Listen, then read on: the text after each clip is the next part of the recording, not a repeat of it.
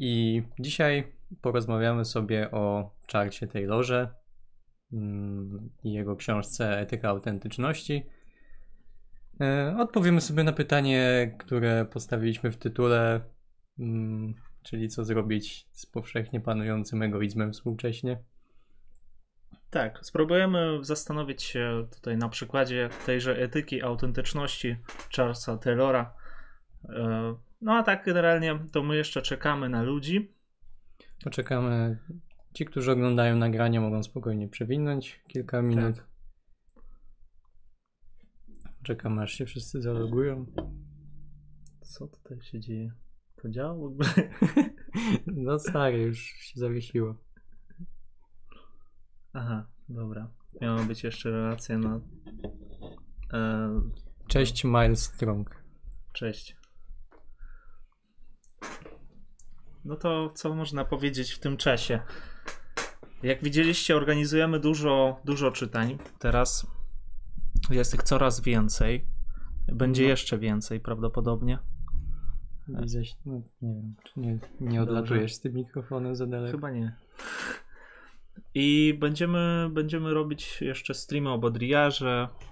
Będzie Fireband prawdopodobnie. Będzie dużo ciekawych rzeczy. Powiedzcie w ogóle, czy nas e, dobrze słychać? Chyba dobrze. No, tym, tym razem nie będzie muzyki, Tak.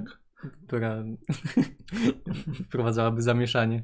Tak, mieliśmy ostatnio właśnie Rortiego, to znaczy no, kilka tygodni temu i była taka muzyka disco szybka. Nie wiadomo, co to było w ogóle.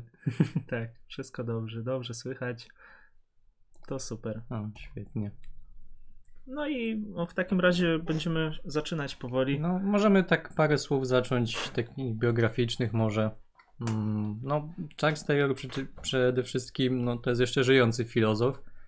Ma teraz bodajże 89 lat, więc e, no, już tak dużo mu chyba nie brakuje, ale jest bardzo żywiołowym człowiekiem, takim pe- pełnym, pełnym życia ewidentnie.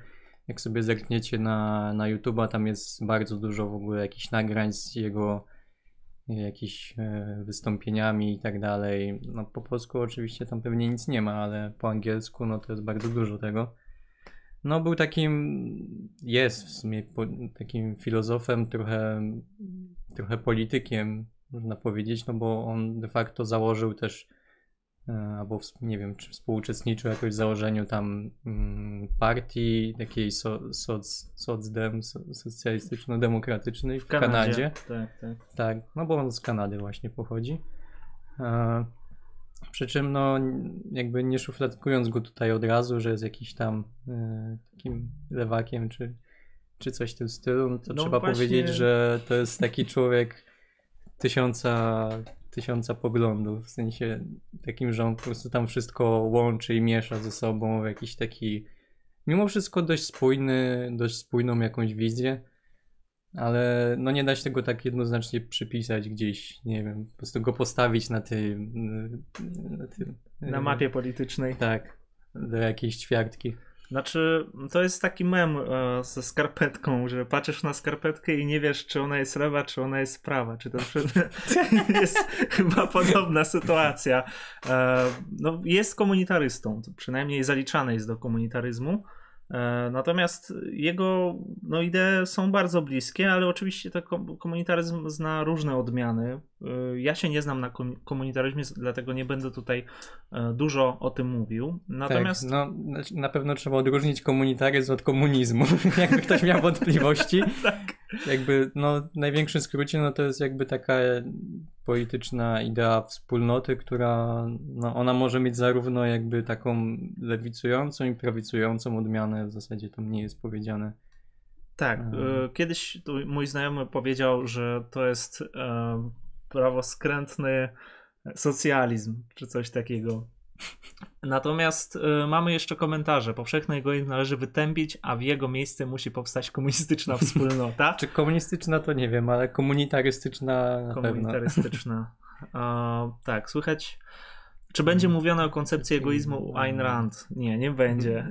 Nie tym razem Nie tym przynajmniej, ale razem. kiedyś może to w sumie jest taki temat co mógłby też... Ja już ciekawe. widzę tych ludzi, którzy piszą komentarze po prostu na Ayn Rand, że co wy tutaj, co, coś wy Jak, tutaj znajdzie, przygotowaliście. tak, jak znajdziemy jakiegoś specjalistę w temacie, to... Tak, jest. Podobnie syn Gowina bardzo dobrze się zna. No serio. Spoko, to zaprosimy. Ma swój kanał na YouTubie, tam dużo opowiada o tym. Siema, odkupię źródła podmiotowości w dobrym stanie. Haha. Właśnie. To 200 zł i, i jest twoje. Taniej nie znajdziesz, bo w ogóle tego nie znajdziesz. E, oczywiście, jeżeli chodzi o źródła podmiotowości, bo z tego dzieła jest najbardziej znany, to jest taka tysiącstronicowa książka i co jest ciekawe, tłumaczyło ją aż e, 7 tłumaczy na polski. Naukowo opracował gadacz i jeszcze mamy wstęp, e, w którym w zasadzie tam tro- trochę się, e, trochę jakby opisują Taylora jako takiego spadkobiercę w pewnym sensie Hegla. E, może zaczniemy w ogóle od samego początku Taylora. Z czego jest znany w Kanadzie, w ogóle w tym anglosaskim świecie filozofii? No, z Hegla właśnie, z opracowania Hegla takiego obszernego, gdzie w tym świecie takim anglosaskim, no jakby no, taką mini rewolucję właśnie przeprowadził pod tym względem. Nie było najwidoczniej nic, nic lepszego na rynku i To były lata Mhm. chyba 70., więc oczywiście e, ta działalność e, translatorska, w ogóle tłumaczenia pojawiały się zawsze z opóźnieniem jeszcze bardziej e, niż teraz, więc no tutaj Taylor oczywiście on przesiąkł tym Heglem tak. e, i jak pisał to swoje ogromne dzieło Źródła podmiotowości narodziny tożsamości nowoczesnej, to po prostu próbował stworzyć jakiś bardzo, bardzo ambitny projekt, przy czym e, jak zaznacza tutaj pani, pani, pani, już mówię kto to jest. Agata Bielik-Robson. No to niektórzy mogą kojarzyć, bo ona Tak. jeszcze ta, taką no, no z- chyba do- dość znana jest współcześnie jakoś tak.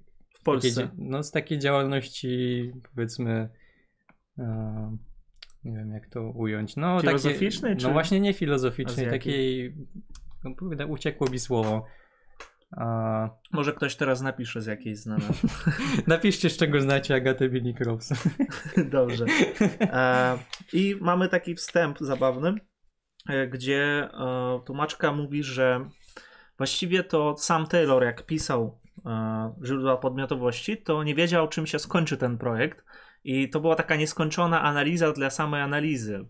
Ona w ogóle zestawia go z Freudem. Właśnie publicystycznej tego Publicyst- słowa literacka, brakło. publicystyczna. Tak, tak. dziękuję. E, I projekt nie został dokończony, ale to jest taka jakby refleksja ciągła nad stanem podmiotowości współczesnej.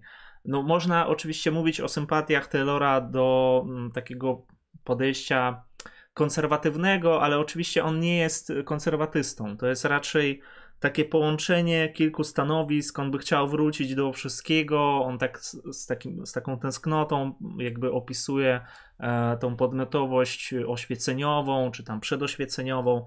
E, mówi o tym zerwaniu z, z religijnością, o, o sekularyzacji dużo w ogóle pisał, z tego jest też osobna książka powstała. Mm, Co jest ciekawe, ja w ogóle sprawdziłem, wygłosił sporo wykładów e, na Ukrainie. E, ja nie wiem, czy on w ogóle do Polski przyjeżdżał, natomiast jak na YouTubie wpisywałem sobie po rosyjsku Charles Taylor, to wyświetliło mi się chyba z pięć filmików różnych. On był na uniwersytecie, e, na jakiś program go zaprosili, jeszcze wygłosił mowę dla studentów, dla absolwentów, Mhm. e, więc no jest... E, podejrzewam, że w ogóle jeździ po świecie, dużo jest z nim materiałów, tak jak już Michał wspomniał tutaj. Mamy pytanie od Łukasza, czy spotkanie będzie miało charakter przede wszystkim śmieszkowy czy merytoryczny? No, No, Raczej- raczej jak raczej w stronę merytoryczności, ale To nie No. są czytania. To są. E, Tak. Znaczy, te spotkania się różnią tym, że my bardziej sobie tak rozmawiamy tak, przy ani, nie są, ani nie są to też wykłady. że- Tak, i nie, nie staramy się jakby robić tutaj referatu e, za bardzo, dlatego że no, no to jest specyficzna forma, co tutaj dużo mówić. Oczywiście będzie miała wymiar merytoryczny, dlatego No, że Śmieszki będziemy konkretnie się skupiać na ale- materiale. Mi- Dotychczas mieliśmy może kilka śmie- śmieszkowych streamów, przy czym jeden to był z naszymi znajomymi z e, Wisły. Imba wciąż trwa. Tak. E, tam jeszcze był Komentarz? e, komentarz wyżej, że wspólnota komunistyczna musi powstać, a komunitaryzm miewa reakcyjne nacjonalistyczne zabarwienie. No to jest jedna właśnie z możliwych krytyk komunitaryzmu, z którymi się spotkałem gdzieś tam, no oczywiście to też zależy właśnie od już konkretnego jakiegoś, konkretnej wizji tej, tego komunitaryzmu, bo ich jest wiele, więc nie da się tego jakby ogólnie jakby, nie wiem. No ja wiedziałem, że zarzucają i faszyzm i... i... Relatywizm się też zarzuca komunitaryzmowi, bo tam jest jakieś takie też mm, jakby no bierze się pod uwagę jakby te wartości, że one też się biorą z tradycji, że z, z, tradycji jakby gdzieś tam bierze się to pod uwagę te czynniki społeczne i tak dalej. Jasne. Także no no. Okej, okay, zgadzam się. E, dobrze, ja tutaj nie będę więcej mówił, ja tylko powiem mm, jeszcze dwa słowa o tej książce. E, my skupiamy się na jego jakby dziele etycznym, przynajmniej tak on, on to nazywa etyką autentyczności. Mówi, że etyka autentyczności istniała w ogóle od dawna w różnych formach i przedstawia swoją wizję etyki autentyczności. Natomiast to dzieło można potraktować y, jako pewien, nie wiem, wstęp do etyki autentyczności. Oczywiście nie czytaliśmy tutaj w całości, ja kiedyś przeczytałem 150 stron i zostawiłem to. E, czekam na jakąś świetną okazję, może na jakiś stream, albo jeszcze na, na może na, nie wiem, na cokolwiek, żebym miał po prostu przy, okazję, żeby przeczytać to. Chyba jak, to cię, jak dzieło. cię zamkną w izolatce na miesiąc tą jedną książką, to może wtedy przeczytasz. Za dużo jest innych rzeczy. No. Tak, teraz e, powiedzą, że znów nie merytorycznie gadamy. Nie można żartować, musimy być bardzo poważni. Tak. No, e, ja może przeczytam komentarz mhm. z grupki. E, z pojęciem egoizmu wiąże się teoria wskazująca na interes jednostki jako naczelną zasadę postępowania. Egoizm tak zwany rozumny zaleca pewne ustępstwa, nawet ofiary na rzecz innych przypadkach, gdy można dzięki temu osiągnąć korzyści własne większe niż te, z których się zrezygnowało na przykład u Hobbesa. Właśnie problem z tym egoizmem i to, o czym tutaj wspominasz, czyli mm, jakby takim... Czekaj, chyba dostaliśmy donate'a. O, Duszan. Dziękujemy bardzo. Dziękujemy, za... Duszan. E, to, o czym tutaj wspominasz, a propos tych korzyści, mm, no to właśnie jest jeden z problemów, który e, Taylor porusza. E, właśnie wskazując, że to jest jakby, no kiedy on omawia jakby tą swoją etykę autentyczności, to wskazuje, że egoizm, jakby tak rozumiany, jakby nastawienie na korzyści przede wszystkim, no to to już jest jakaś forma taka zdegenerowana takiego ideału, który gdzieś tam u, u podstaw tego wszystkiego leży, ale jeszcze do tego myślę przejdziemy tak. Znaczy, mm, konkretnie. możemy już przejść y, po prostu po najważniejsze, co, co jest najważniejsze, że ta książka jest. Yy, ona powstała po, yy, po tej książce, tej dużej źródła podmiotowości. I ona miała być takim współczesnym, jakby pozytywnym rozwiązaniem w pewnym sensie, dlatego że źródła podmiotowości to są ciągłe poszukiwania, właśnie. Natomiast ta etyka, e, przy czym sam terror napisał tam w samej e, w, tych, e, w tej etyce autentyczności, że ja nie mogę tutaj więcej jakby rozpisać wszystkich swoich pomysłów, dlatego że on jakoś był ograniczony. Nie wiem, czy wydawnictwo mu kazało, czy e, jak, jakieś, inne były, jakieś inne były na to przyczyny Natomiast hmm. jeżeli mówimy o tym egoizmie, to możemy zacząć od źródeł, e, źródeł niepokoju w ogóle. On zaczyna książkę od tego, że e, no w jakim takie, stanie. No, mamy takie trzy bolączki w naszym współczesnym społeczeństwie, tak? tak. społeczeństwach może ogólnie. No i jakby te trzy to są... I, I, jeszcze ja tak zaznaczę od razu, że to wszystko, co będzie, co będziemy tutaj przedstawialiśmy za Taylorem, dotyczy jakby głównie tej podmiotowości, bo on jest filozofem podmiotowości. To jest jego no, główny temat, którym on się zajmował. To znaczy polityka, tak, ale zaczynając od tożsamości, bo to jest taka jakby podstawowa u niego mm, jednostka, nie wiem, podstawowe no, mhm. poniekąd można go też filozofem dialogu nazwać, ale to jest inna już sprawa. Dobra. No, no tak. No i właśnie mm, tych, z tych trzech bolączek wymienia po pierwsze niepokój związany z indywidualizmem i jakby to, to jest zagadnienie, które jest najszerzej rozwinięte w, e, w samej książce i on później jakby analizując, jakby pokazując jak należy, jak należy do tej sprawy podejść, on kolejne te jakby kolejne te problemy jakby mówi, że można analogicznie rozwiązywać. Tak? E, drugim to jest, drugi jest prymat rozumu instrumentalnego, w sensie współcześnie. E, no i trzecie to jest e, jakby tak konsekwencja tych dwóch pierwszych, to są jakby zaistniałe struktury, które ograniczają nasze, nasze wybory i, i ten, wymuszają jakby przyjęcie tych, tych racji. Czyli polityczne konsekwencje, prościej tak, mówiąc. Jakieś takie e... instytucje, instytucjonalne, czy, czy ogólnie społeczne, czy kulturowe też. Tak. E, no ja mogę powiedzieć o pierwszym e, tak zwanym źródle niepokoju, czy nie wiem, może to inaczej jakoś można sformułować. No, powiedzmy, że to jest pewien punkt niepokoju. Skąd on się bierze? Oczywiście terror jest takim trochę historykiem też, jak on zaczyna omawiać to, to on analizuje, jak się zmieniała podmiotowość w ciągu du dużego, mm, no, dużych okresów właśnie tutaj. Natomiast w tej etyce swojej on zaczyna od tego, jak e, można postrzegać tożsamość, podmiotowość dzisiaj. No i, i mówi tak o trzech, trzech, trzech źródłach niepokoju, czy trzech źródłach, nie wiem, błędu jakiegoś, jakiegoś zamieszania. W ogóle to, to są pewne antagonizmy, tak by to można było też traktować. E, tak jak Michał powiedział, indywidualizm. E, indywidualizm on rozumie jako skrajny właśnie taki indywidualizm, e, który będzie prowadził w stronę egoizmu. A co więcej, on mówi, że indywidualizm w takiej skrajnej postaci ma prowadzić do permisywizmu i jakby ten indywidualizm współczesny, jak to było, że on zawe, że stworzy, wytworzyło się całe pokolenie egoistów w ogóle, tak skrajnie, skrajnie tutaj mówi, pesymistycznie to brzmi, natomiast on nie jest, nie jest takim pesymistą, e, no to jest, to jest tak, taka wstępna jakby uwaga. Znaczy, ja bym przede wszystkim powiedział, że tego indywidualizmu nie należy rozumieć tak i on też nie rozumie tego jako coś e, ściśle negatywnego, jako mhm. jakieś negatywne zjawisko. Mm, no mówił, że jakby za tym stało, stoi też jakieś takie mm, poczucie takiej właśnie indywidualnej wolności, E, że my no, wykroczyliśmy jakby poza te dawne takie horyzonty, horyzonty moralne, że kiedyś postrzegaliśmy się jako takie elementy mm, szerszego ładu, mieliśmy jakby wyznaczone, przypisane te role społeczne. W ogóle sens świata był już jakby dany, e, sens naszego życia, jakby czy, czy, czy życia społecznego, jakby wszystko już było ustalone. Mm, no i jakby pod tym względem one były jakby ograniczające, bo, bo nie mogliśmy na ten temat decydować, ale z drugiej strony one jakby były pozytywne o tyle, że no, że jakby nie, nie, nie musieliśmy sami podejmować tego wysiłku od, od samego początku. Mhm.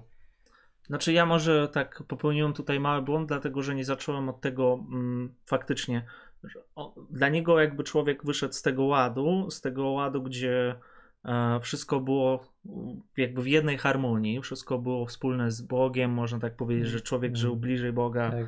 Że nie był jeszcze o, odseparowany tym miastem jakby. Był taki łańcuch bytu, jak on to mówi, łańcuch, wszystko było tak. ze sobą połączone. Tak, czyli mamy tam zwierzę. No tak jak nie wiem, czy to, to, to jest dobre porównanie to, Tomaszowe czy arystotelesowskie. Mamy hierarchię pewną bytów i ten łańcuch jakby był, była pewna hierarchia. Była władza, plus jeszcze, no możemy tutaj oczywiście mówić o społeczeństwach kastowych i o takich rzeczach. Mhm. No, tak, komentarze jeszcze mamy? Tak, mamy e, dłuższe komentarze. Z drugiej strony w psychologii miłość do siebie to nic innego jak to nic inne naturalna dążność do samoobrony, do utrzymywania się przy życiu, własnego, sam, własnego rozwoju, w tym znaczeniu skłonności lub uczucia egoistyczne przeciwstawiają się altruistycznym bez nadawania tym określeniom charakteru oceniającego. No dobrze, tylko e, to, to był komentarz do tego, od czego ja chyba zacząłem, tak? Do, do tego egoizmu. Mhm. E, miłość do siebie.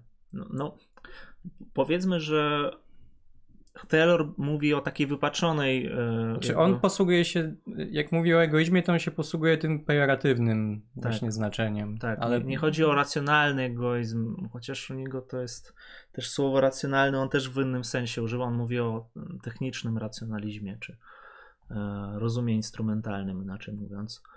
Yy, jeszcze erata tutaj była. Darzy respektem śmieszko- śmieszkowatość, po prostu trafiłem tu ze względu na związany z egoizmem narcyzm.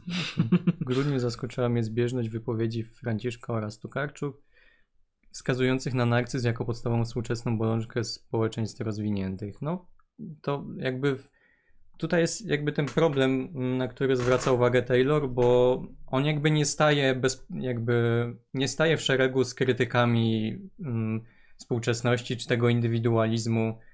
Jakby on jakby dostrzega, że zarówno krytycy mm, indywidualizmu, czy w ogóle jakby i, i też i tego rozumu instrumentalnego i tak dalej, Mhm. i, i ci, którzy są optymistycznie do tego wszystkiego nastawieni jakoś, no to jedni i drudzy w pewnym sensie są szkodliwi, jego zdaniem. Tak. e, No tak postrzega przynajmniej tą całą działalność, e, nie wiem, tą anglosaską, powiedzmy, filozofię społeczną. E, Druga bolączka, którą on wymienia, to jest odczarowanie świata, weberowskie pojęcie, bardzo znane zresztą. E, Mówi, że po tym jak nastąpiło odczarowanie, e, to znaczy, na, no na czym polega odczarowanie? Że przechodzimy od myśli takiej magicznej, powiedzmy, myśli jakbyśmy powiedzieli w cudzysłowie, oczywiście prymitywnej.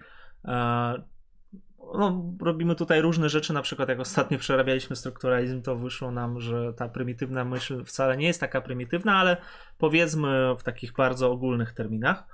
E, I odczarowanie polega na tym, że e, po prostu stworzy, tw- tworzymy jakieś bardziej skomplikowane instytucje, e, wyjaśniamy wiele zjawisk naukowo zamiast religijnie, odchodzimy od tego mitu, racjonalizujemy wszystko, zaczynamy analizować swoje uczucia, to jest bardzo ważne tutaj.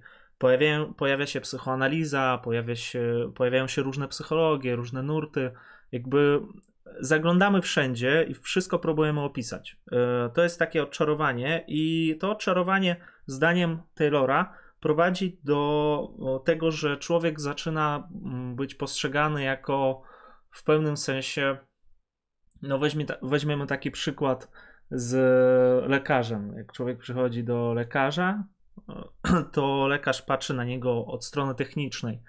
E, Pomaga na przykład, no ktoś ma kaszel i on mu od razu tam wypisuje lek na kaszel, tak? A zdaniem Taylora, no i w ogóle to jest często, często mogliście to oczywiście wcześniej słyszeć, że należy podchodzić jakby całościowo do tej osoby.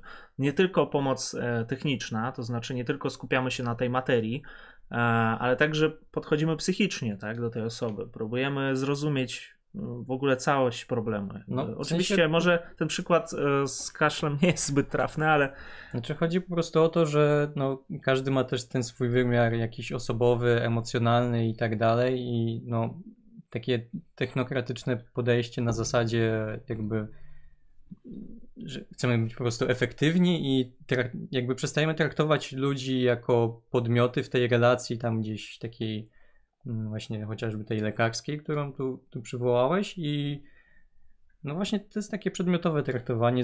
Jak odrzucamy wszystkie, mm, wszystkie te takie płaszczyzny ludzkie, osobowe, nie ma tego mm, takiej powiedzmy etyki, opieki w tym wszystkim. mm, Jakby porzucamy to i, i jakby no, on stwierdza, że to, to po prostu nie jest dobra droga. Nie? Że tak. to, jest, to jest mocny taki re, re, redukcjonizm. My zaczynamy zamiast podporządkowywać ty, technikę mm, właśnie temu niesieniu jakiejś pomocy, to podporządkowujemy ludzi pod technikę. Tak, technika jakby nabiera tutaj duże, dużego znaczenia i no on mówi, że w ogóle to może prowadzić do takiego skrajnego uzależnienia od techniki, że nie poradzimy sobie, już nie, nie, nie potrafimy poradzić sobie w bardziej taki sposób powiedzmy poza technicznym, że nie potrafimy bez techniki już nic zrobić. I ta technika to nie znaczy, że tylko jakaś tam, nie wiem, komórka czy komputer, ogólnie technika jako narzędzie do kalkulacji, na przykład e, były te zasady chyba Taylora o, na fabrykach, jak tam ustawiasz godziny, a Forda, Fordowskie, Fordowskie zasady, że tam światło musi być włączone, bo Mm. wtedy wydajność pracy jest większa, e, że tam specjalnie określone godziny, przerwy, wszystko jakby zostaje zastandaryzowane i człowiek okazuje się właśnie w tych karbach tej, tej techniki właśnie, tak, tak to tak jakby to można było opisać. No, e, o trzeciej bolączce powiesz? Znaczy, ja bym chciał jeszcze powiedzieć coś o tej, bo nie mhm. powiedzieliśmy najważniejszej rzeczy, że ten prymat rozumu instrumentalnego, no to jest po prostu nastawieniem na maksymalną efektywność, która staje się kryterium sensu w zasadzie każdego działania. I to, że jakby nastąpił ten rozpad hierarchii, o którym powiedzieliśmy wcześniej, pogłębił tylko ten, e, to, tą sferę właśnie takiego myślenia instrumentalnego, no bo już zwyczajnie nic nie stoi na, tutaj mhm. na, na, na przeszkodzie. I z jednej strony no, on też zauważa, to nie jest takie jednoznacznie negatywne zjawisko, bo z jednej strony to było wyzwalające, no ale jakby też bardzo dużo zagrożeń zauważa w związku z tym. Mm, I co jest najważniejsze, że ten rozum instrumentalny, on podporządkowuje sobie w zasadzie wszystkie inne cele. Wszystko po prostu zaczynamy rozważać e, przez jakieś analizy takie kosztowo, kosztowo-celowe. Wszystko musi się mhm. opłacać.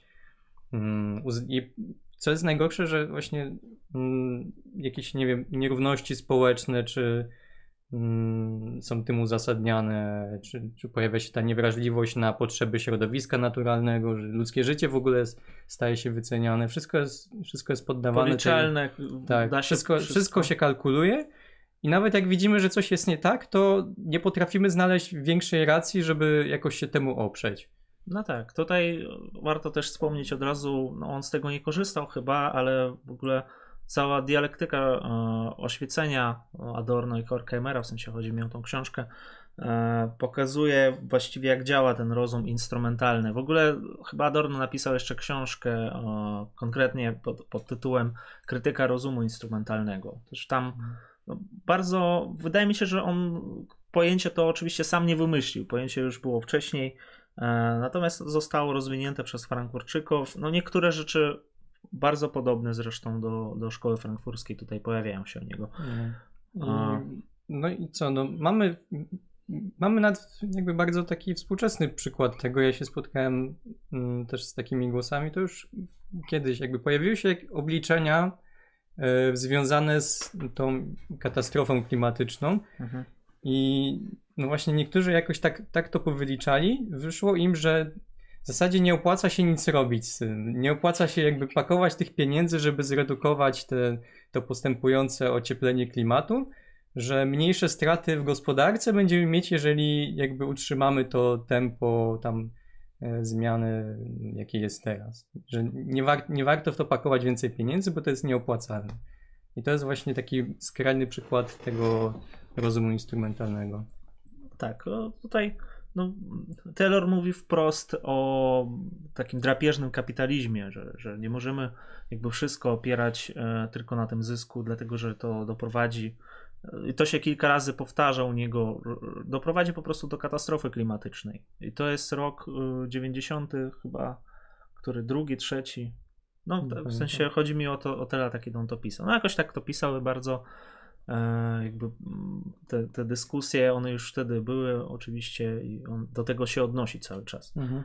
No, ja może jeszcze dodam, zanim przejdziemy do kolejnego, bo on tam jeszcze mówiąc a propos tej techniki, no mówi, że ta technika stała się taka prestiżowa, e, no ale że wiąże się to jakby, mówi o czymś takim, o utracie rezonansu, głębi czy bogactwa otoczenia, że E, te przedmioty, mm, jakby, które były takie bardziej solidne i trwałe, kiedyś stają, stają się tandetne, masowe, pozbawione oblicza e, i że one stają się takie właśnie coraz bardziej efemeryczne, że mm, jakby to się wiąże w ogóle z naszym postrzeganiem świata, że ta rzeczywistość dla nas staje się taka mm, właśnie coraz bardziej nierzeczywista, bo mhm. on, nasze postrzeganie świata było jakoś tam związane z tymi przedmiotami, które się którymi się otaczamy, mm, z ich trwałością, a w momencie, kiedy wszystko staje się takie właśnie coraz bardziej nietrwałe, to, to, to te nasze jakby właśnie funkcjonowanie w ogóle w świecie też się, też się zmienia tutaj w związku z tym.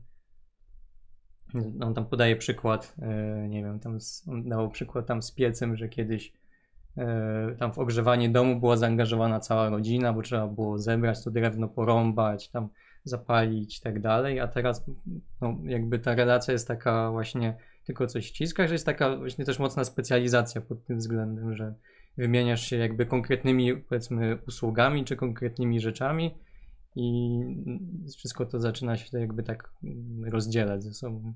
Mhm. No to mm, ja bym jeszcze tutaj przeczytał komentarz e, przy tym, co mówiliśmy, żebyśmy daleko nie poszli, mhm. bo już e, nie będzie wiadomo później do czego to się odnosi. I ten wzrost znaczenia czy wpływu rozumu instrumentalnego Taylor wyjaśnia w kategoriach społeczno-kulturowych. Świat się zmienia, tak a tak, więc człowiek rozwija się zgodnie. A co z jakimś psychoanalitycznym wyjaśnieniem egoizmu? Taylor jakoś się do tego odnosi? No właśnie, on to wyjaśnia w taki sposób, mm, jakby on zauważa, że na przykład w, w naukach społecznych e, te wszystkie przemiany one jakby ignorują e, stojący za nimi właśnie stojący ten ideał moralny. On stwierdza, że ten ideał, ideał autentyczności, że on ma jakąś taką swoją wewnętrzną siłę, która też nami kieruje w jakiś sposób.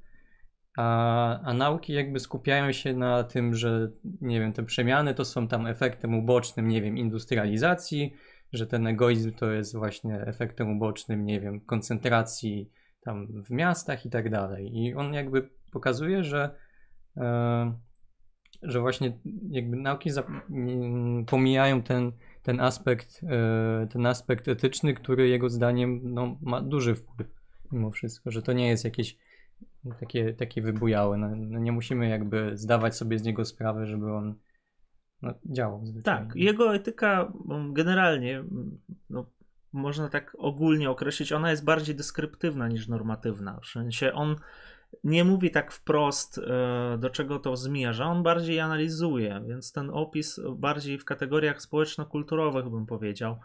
E, świat się zmienia tak a tak, więc człowiek rozwija się zgodnie no, zgodnie z raczej uwarunkowaniami kulturowymi niż y, jakimś innym sensem. Tutaj człowiek odchodzi, tak jak powiedziałem, no Weberowska, e, pojawiło się Weberowskie pojęcie odczarowanie świata, że świat się staje bardziej przejrzysty, że możemy wytłumaczyć wiele rzeczy tym rozumem technicznym, bo podchodzimy, mhm. możemy policzyć, zmierzyć.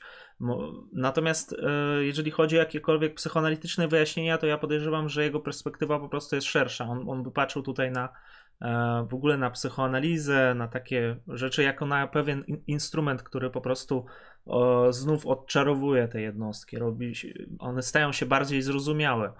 Przy czym potrzeba tejże psychoanalizy bierze się tutaj z, od tego momentu, który on nazywa momentem zerwania z łańcuchem bytu. Mówi, że w momencie, gdy odeszliśmy od Boga, od religii, od tego wszystkiego, od jakiegoś porządku, ładu, oczywiście on nie mówi tylko o religii, bo mówi o, o czymś, była jakaś etyka, była jakaś hierarchia i tak dalej. E, nastąpił moment jakiegoś zerwania, i w tym momencie, jakby ta podmiotowość stała się rozproszona e, na takie różne kawałki. On próbuje to pozbierać, opisać. I tutaj właśnie wkracza psychoanaliza. Psychoanaliza pomaga właśnie odnaleźć się na nowo jakby w tym świecie. Człowiek musi teraz jakby na nowo odkryć e, swoją tożsamość, autentyczność i stąd biorą się różne bolączki, dlatego że jakby człowiek zgubiony musi sobie gdzieś zainwestować tą swoją energię libidinalną, musi jakoś e, na nowo jakby zakorzenić się, odnaleźć e, sens istnienia w ogóle i swoją istotę może. No, i, i pojawia się oczywiście e, pluralizm, pojawia się, pojawiają się różne jakieś szkoły tam psych, psychologiczne, psychoanalityczne i tak dalej. Właśnie i takie, tak, takie tutaj miejsce raczej jest tej, mhm. tejże psychoanalizy. Piotr pyta, czy może różnić się egoizm w kapitalizmie, a egoizm w socjalizmie? No, to no jest w kapi- bardziej, Nie no... wiem, ja bym może powiedział, że w kapitalizmie jest na to po prostu większa zgoda i te siły takie pchające może w, te, w tę stronę egoistyczną być może są silniejsze. Że te instytucje jakby one, tak, przynajmniej w tej sferze takiej e, one jakby spychają w tę sferę prywatną bardziej, gdzie egoizm jakby może się rządzić zwyczajnie. Więcej no. jest możliwości oczywiście i tak. dlatego egoizm może, może się rozwijać. No, może bardziej tak bym powiedział. To nie znaczy, że w socjalizmie nie ma egoizmu. Bo, tak, nie, oczywiście jest. Po prostu on jest więcej możliwości, dlatego więcej możliwości przejął tego, tegoże egoizmu. No powiedzmy, że w socjalizmie no, jest po prostu inaczej to Musisz wygląda. współpracować, ale to nie znaczy, bo kulka w łeb. Tak. nie, nie, jakby najpierw trzeba zdefiniować, czym jest socjalizm, później No e, podejść do tego no, w sposób rozsądny, żebyśmy tutaj nie, nie mówili o to jest złe, to jest dobre. Tak. E, nie od tego jesteśmy, jesteśmy bardziej od tej etyki, ale ta etyka u niego, znaczy u Taylora jest e, komunitarystyczna. On nie jest ani za kapitalizmem, ani za, nie, ani za socjalizmem, czy tam komunizmem w skrajnej takiej interpretacji. Jeżeli weźmiemy przykład Związku Radzieckiego, no to na pewno to odpada już tutaj. Mm. E, tak jak powiedziałem, etyka autentyczności skupia się na tożsamości, na podmiocie samym, a nie. Już później pojawia się ten wątek społeczno-polityczny czy kulturowy. Jeszcze pytanie jest, czy zaakceptować swój egoizm? Nie. Nie należy akceptować, a dlaczego to jeszcze wrócimy do tego. Nie, Tak. nie będziemy mieszać, bo jeszcze nie powiedzieliśmy w ogóle o tym mm, trzecim. Jest dobrze. Trzymajmy się jakichś minimalnych takich Tak. ram, starajmy się przynajmniej. E, No i właśnie ta trzecia bolączka, która jest konsekwencjami dwóch poprzednich, to właśnie to, że pojawiają się jakby struktury, które umacniają zarówno te, te indywidualistyczne podejście i, i takie instrumentalne. Mm, No i właśnie one ograniczają te nasze wybory, wymuszają przyjmowanie racji. Em, Co tu można powiedzieć, że jakby wpływają w taki sposób bezpośredni, chociażby mm, to, że mm, to w jaki sposób, nie wiem, miasta teraz powstają kierując się tymi racjami instrumentalnymi, zmuszają nas często do tego, że jakby no nie masz wyboru, musisz sobie kupić to auto, bo jakby nie da się inaczej poruszać po mieście, tak, tak jakby zostało to wszystko skonstruowane i to jakby narzuca, narzuca tobie pewne wybory takie, mm, takie życiowe zwyczajnie. Tak. y, Innym przykładem jest robienie kariery, który podaje też Taylor. No, Po prostu musisz zrobić karierę, inaczej no, zostaniesz wyrzucony, nie zapłacisz za mieszkanie, musisz pracować, y, od razu jakby musisz wejść w ten świat techniczny. I jakoś tutaj, no, po, powiedzmy, poprzez ten samochód zostaniesz ak- zaakceptowany tam przez rodzinę. No, nie daj Boże komuś taką, taką rodzinę mieć, ale generalnie e, no w ogóle jakby staniesz się, nabierzesz jakąś wartość. E, nam tutaj zarzucają, że my odnosimy się tylko do Taylora, a nie do osobistych refleksji. No, to, to brzmi bardzo ciekawie, osobiste refleksje. Kocham ten zarzut. E, E, no, Co staramy ja mogę się powiedzieć? jakby wydaje mi się, że ludzie mimo wszystko przychodzą bardziej dla, dla tej wartości, która nie jest, nie wynika z naszych myśli, bo Znaczy, po pierwsze, no ja nie wiem, czy istnieje coś takiego jak osobista refleksja i coś takiego, że no, niektóre rzeczy, e, oczywiście tam u Taylora, to ja całkowicie się zgadzam. Z niektórymi ja bym polemizował, natomiast to, że nie wyrażamy tutaj swoją opinię, to ja myślę, że w każdym jakby zdaniu, jak to próbujemy przedstawić, widać, e, do czego jesteśmy bardziej sceptycznie nastawieni, do, do, do no czego tak, pozytywnie jasne, to się mimo wszystko Przy czym- gdzieś tam przebija. tak jak wiele razy już powtarzaliśmy, na przykład na czytaniach Heideggera, no należy s- najpierw zrozumieć tą myśl, ideę, żeby później odnieść się do, do niej ze swojej perspektywy. Tak. I wydaje mi się, że my spełniamy e, ten, ten warunek właśnie. Własna perspektywa i refleksja powinna przyjść na końcu, a nie na początku, bo nic inaczej, nikt nic z tego nie wyniesie, kiedy my będziemy orędownikami jakichś swoich prywatnych y, głupot. No bo tak naprawdę mamy człowieka, który zajmował się tym przez x lat, napisał o tym x książek i mamy nas, którzy przeczytali książkę i, i dlaczego mamy własne refleksje stawiać wyżej niż refleksje tego człowieka. No. Jakby można się oczywiście osobiście Nie, do no, tego nie odnieść, ale w tą stronę.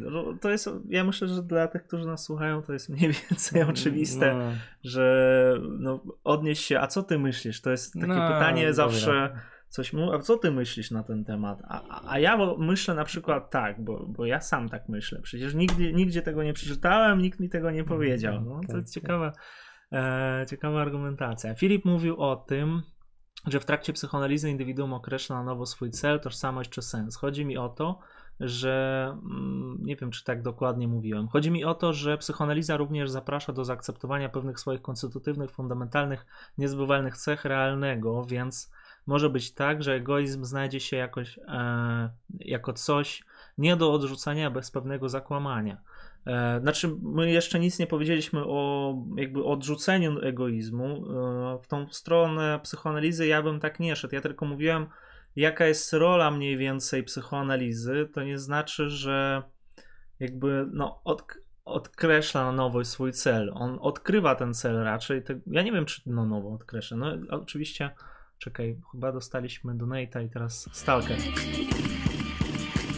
na słuchawki albo książki z trzeciej psychoanalizy. Stalker na słuchawki albo książki z trzeciej psychoanalizy 13 zł i 40 groszy. E, tą psychoanalizę ja bym zostawił może na później, jak ona nam jeszcze raz gdzieś tam pojawi się u Taylora. Tak, ja no. nie pamiętam, żeby on cokolwiek konkretnego powiedział. Tak jak mówię, no moje intuicje są takie, że raczej ona mm, jakby punktem wyjścia nie jest, e, nie jest psychoanaliza, natomiast to jest bardziej analogicz, e, analiza socjologiczna, tak, tak by to można było mhm. nazwać. E, Dobrze, no. Olejcie osobista kwestia, super wam idzie. Filip mówił o roli psychoanalizy, jak mają rozumie teor. Jak mógł rozumieć? Jak w sumie no on tak. nie pisał za, za, dużo o tej psychoanalizie. No tak, w każdym znaczy, razie. Jakby on mówi, że są różne zjawiska i to jest to należy też do odczarowania. Ja tutaj hmm. nie mówię tylko o terrorze, teraz trochę wykroczyłem, bo to raczej yy, no, już korzystam trochę z innej analizy, na przykład to, co pisała E, Ewa Ilus e, w książce o uczuciach w dobie kapitalizmu. Ona to tak przedstawiała i też posługiwała się tymi samymi analizami co, co Taylor, ale mhm. idziemy dalej. No tak, wróćmy może do tych e, struktur, bo no jakby jakie są tego konsekwencje? No przede wszystkim jakby ludzie nie chcą brać udziału w jakichś samorządach, że wycofują się właśnie do takiego życia prywatnego, do korzystania z wygód i trwa to tak długo, jak ta władza to w jakiś sposób ułatwia, czy w ogóle umożliwia. No i tutaj pojawia się to pojęcie zaczeknięte z Tocqueville'a, czyli mm, despotyzm łagodny. Tak, tak, tak. tak. No to, to, ja bym to pokrótce omówił, bo może e, no to, to pojęcie pojawia się w kontekście jakby politycznych konsekwencji tych dwóch poprzednich rzeczy, które tutaj nazwaliśmy, czyli skrajny indywidualizm, który przerasta jakby w ten egoizm y, i e, skrajne jakby rozumowanie instrumentalne, to znaczy rozum techniczny, rozum instrumentalny, który wszystko kalkuluje, wszystko liczy, e, mhm. Wszystko mhm. musi zostać określone, zrozumiane, wyjaśnione e, w taki sposób techniczny, mechaniczny.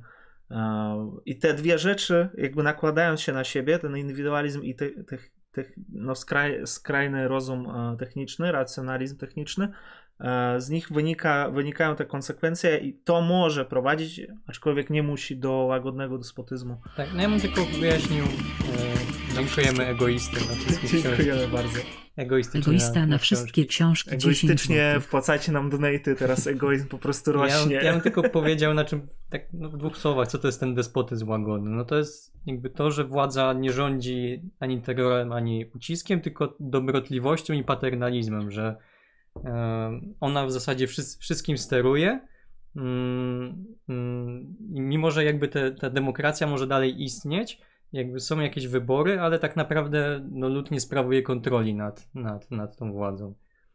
Mm. No, mniej więcej coś takiego, jak mamy u kawki. E, Boże, nie pamiętam gdzie to było, niech mi ktoś przypomnie, chyba w zamku. E, jest prawo po prostu, które człowiek sobie stworzył i w pewnym momencie dziwi się, że nie może e, przekroczyć, że tak po prostu nie może wejść do pewnego miejsca, tam chyba były jakieś drzwi i człowiek po prostu stworzył sobie prawo i nagle to prawo zwróciło się przeciwko niemu i pojawia się taka absurdalna sytuacja. Nie wiem, czy to jest w ogóle dobra interpretacja, tak. czy dobrze pamiętam, no. ale chodzi o to, że pewne formy władzy, biurokracji, które człowiek sobie wytworzył, to jest spójne z tymi wyborowskimi, tak, w zamku. Tak. A, analizami jakby oddziałuje później na niego, zwraca się przeciwko niemu i pojawia się ten tak zwany łagodny despotyzm. Tak, no i konsekwencjami tego jest e, jeszcze większy, tak, jeszcze większy atomizm, że ta jednostka jest jeszcze bardziej postawiona tak samotnie wobec tej machiny biurokratycznej, e, jeszcze bardziej jest jakiś bezradny, zdemobilizowany, e, i ten krąg się tak w zasadzie zamyka, on później już tak sam, sam się napędza, coraz bardziej się jakoś alienuje z tej sfery społecznej. E, traci się kontrola nad polityką, no i to prowadzi właśnie do utraty wolności. Tak.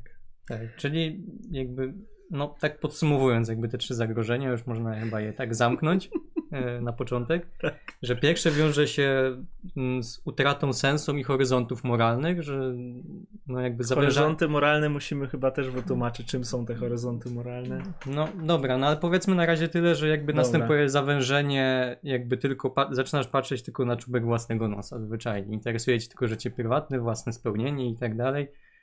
E, I tyle w zasadzie na razie. E, drugi wiąże się z tym, że jakby wszystkie cele są wyrugowane przez ten rozum instrumentalny, wszystko jest podporządkowane rozumowi instrumentalnemu. No i trzecie to jest właśnie utrata wolności. Konsekwencja tak, taka główna. Tak.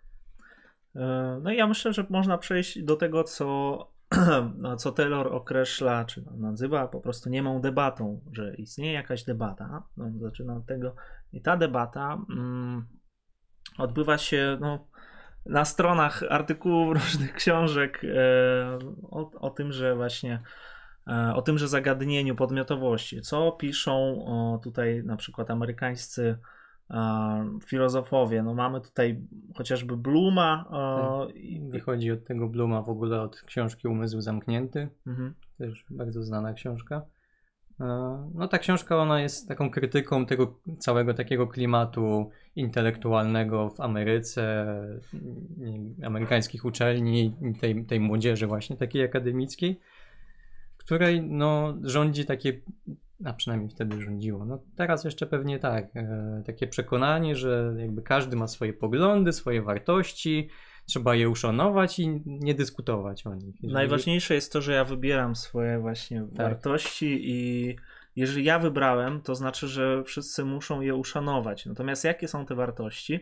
Czy ja jestem człowiekiem bizonem, czy wierzę w płaską ziemię, czy jeszcze nie wiadomo co. Tutaj możecie podawać milion przykładów też na, na czacie, bo to jest zawsze fajne wymyślanie takich przykładów muszą być akceptowane, ponieważ to jest mój wybór, a ja jestem wolny, ja jestem zatomizowany i jeszcze znajdę sobie wspólnotę, gdzie będziemy razem, stworzymy mhm. swoje kółko adoracji i będziemy razem się cieszyć właśnie e, tą teorią spiskową, że e, elity tam wszędzie siedzą. I... Znaczy, ja bym może tego nie ograniczał do taki, znaczy, takiego, prze, prze, takiego prześmiewczego, bo jakby no, to no pokazuje, że to jest wszystko zakorzenione w takiej zasadzie wzajemnego szacunku, że szczególnie w Ameryce, tam jest wiele ludzi pochodzących z różnych kultur, tak, właśnie, które też właśnie są źródłem tych wartości, e, jakieś różne tradycje tam są i jakby na tym się to zasadza, że jakby to społeczeństwo tam jest dużo bardziej różnorodne, więc w pewnym sensie pojawiła się taka potrzeba tego, tego wzajemnego uszanowania tej różnorodności.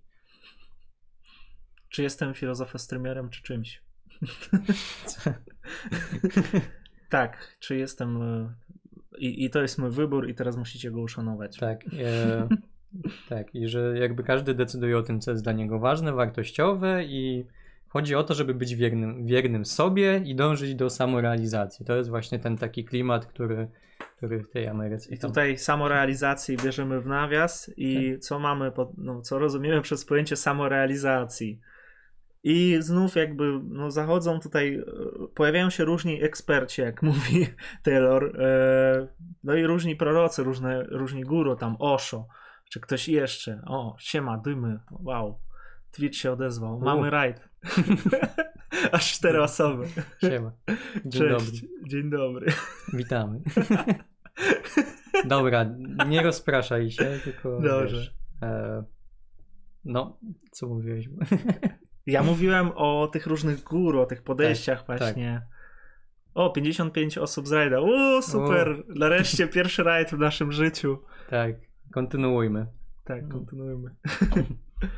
No i właśnie to, to, to jakby to, to zawężenie perspektywy, ono prowadzi do takich absurdów, że e, jakby powstają takie nowe postacie konformizmu, e, każdy, w której każdy chce być tylko sobą, a z tego wynikają znowu nowe formy jakiejś zależności, bo każdy poszukując tej własnej tożsamości, e, jakby właśnie pojawiają się ci samozwańczy eksperci, jacyś guru, tak? E, Szamani. Tak, przewodnicy. Każdy szuka jakiegoś autorytetu. Oni się mogą tam otaczać, nie wiem, prestiżem nauki, czy właśnie duchowością. Nie ma znaczenia, nie? I to jest jakby taka, taka bezpośrednia konsekwencja tego. No tak. Przy czym, no właśnie Taylor zauważa, że ten mm, Bloom krytykując w taki sposób, on nie zauważa właśnie siły tego ideału moralnego, o którym cały czas mówimy, czyli tego ideału autentyczności. No ale o co, o co w ogóle z tym, z tym ideałem autentyczności chodzi?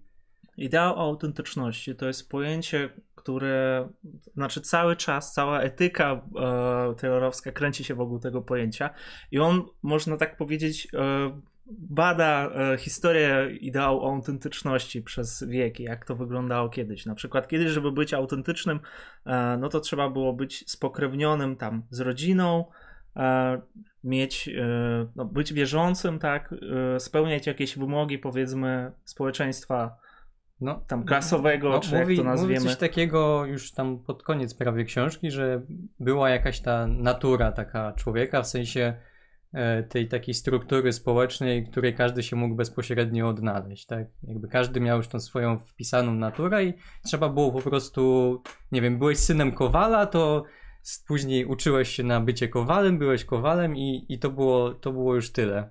I to wtedy się realizowałeś. Tutaj nastąpiła później ta ta zmiana. Tak, ja myślę, że można odpowiedzieć tutaj na parę pytań. Dzień dobry, bardzo nam miło, że zostaliśmy tutaj zrajdowani. Nie wiem tak. przez kogo. Powiedzcie nam, przez kogo zostaliśmy zrajdowani, to sobie e, z, później zobaczymy. Panowie, jakieś dobre sposoby na podrywanie no, dziewczyny znacie? Na filozofię oczywiście. Na filozofię zawsze tak, można. Dla nic innego nie potrafimy, to. Tak, bo wtedy wystarczy, nie wiem, parę jakichś takich e, mądrych słów, tam takiego trochę bełkotu filozoficznego. Nikt nie wie o co chodzi, ale fajnie brzmi i o, dobra, no to, to lecimy. Tak. Dobrze, kontynuując e, nasz temat, rozmawiamy, przypominam tym nowym przybyłym, że my rozmawiamy dzisiaj o etyce, o etyce, o konsekwencjach egoizmu i o czym jeszcze? No o świecie, o kulturze, o, rozmawiamy, o, o współczesności. Tak. tak, Izak dał hosta. Super, dziękujemy Izakowi. No, w każdym razie chodzi o to, że jest sobie ten ideał autentyczności, który on jakby żyje gdzieś tam w tle, powiedzmy. On cały czas gdzieś tam się tli. Nie chodzi o to, żeby odrzucać e, te jakieś, ten, ten indywidualizm, to wszystko, mm, że jakby no, społeczeństwo jakby jest na tym teraz zbudowane. Nie wyobrażamy sobie już tego, żeby, nie wiem, właśnie porzucić tą taką wolność indywidualną. I co trzeba zrobić? No trzeba, to jest jak, to co mamy obecnie, czyli ten egoizm, e, jakiś narcyzm i tak dalej. To jest taka forma zdegenerowana tej, tej autentyczności. I, I Taylor mówi w skrócie, że trzeba powrócić do tego ideału, mm, trzeba właśnie mieć go gdzieś tam na horyzoncie, do niego dążyć. To jest jakiś taki cel nigdy nieosiągalny, ale no, trzeba być ambitnym zwyczajnie. Ideał to jest y, rozszerzone jakby pojęcie autentyczności, które nie zawęża się tylko do mojego wyboru, że mo moją autentycznością jest mój wybór i tyle, że to, że ja e, na przykład ubieram się inaczej, to świadczy o mojej autentyczności. Nie, nie chodzi tylko o to, chodzi mu o coś więcej. Tutaj piszą, że nie, nie Izak, a Mruki. mruki. Pozdrawiamy Mruki. Pozdrawiamy Mruki. Teraz nam piszą, że ktoś jeszcze inny. E... Tak, no chodzi po prostu o to, że jest jak, jest jakiś pewien wzór, do którego należy dążyć, tak? Tak. Jeżeli chodzi jeszcze o niemą debatę, mm, tak zaczęliśmy od pojęcia niemej debaty, no co jest najważniejsze jakby e, w tym wszystkim? Ja myślę, że mm, możemy powiedzieć od razu o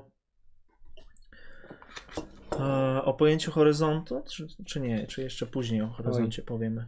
Nie, to jest później. Mm. Dobrze. No, co można powiedzieć? No, mm, właśnie to, o czym wspomniałem, tak, czyli tak, o tych tak, e, krytykach wszystko. i o tych optymistach. Mm, z nimi problem jest taki, że e, oni na ten, na ten ideał w ogóle nie zwracają uwagi. Oni zwracają uwagi właśnie na te przejawy egoistyczne, na te przejawy właśnie takie narcystyczne. Skupiają się tylko na tym. Krytycy to atakują i stwierdzają, że należy w ogóle przestać być takimi indywidualistami. Nie można, to jest beznadziejne, zostawmy to w cholerę. Mm, no a ci optymiści to mówią, a tam nie wiem, technika tam jest super, rozwiąże nam wszystkie problemy, nie musimy się o nic martwić, sami sobie poradzimy w życiu, wszystko jest dobrze. No i, no i to w niczym nie pomaga w zasadzie.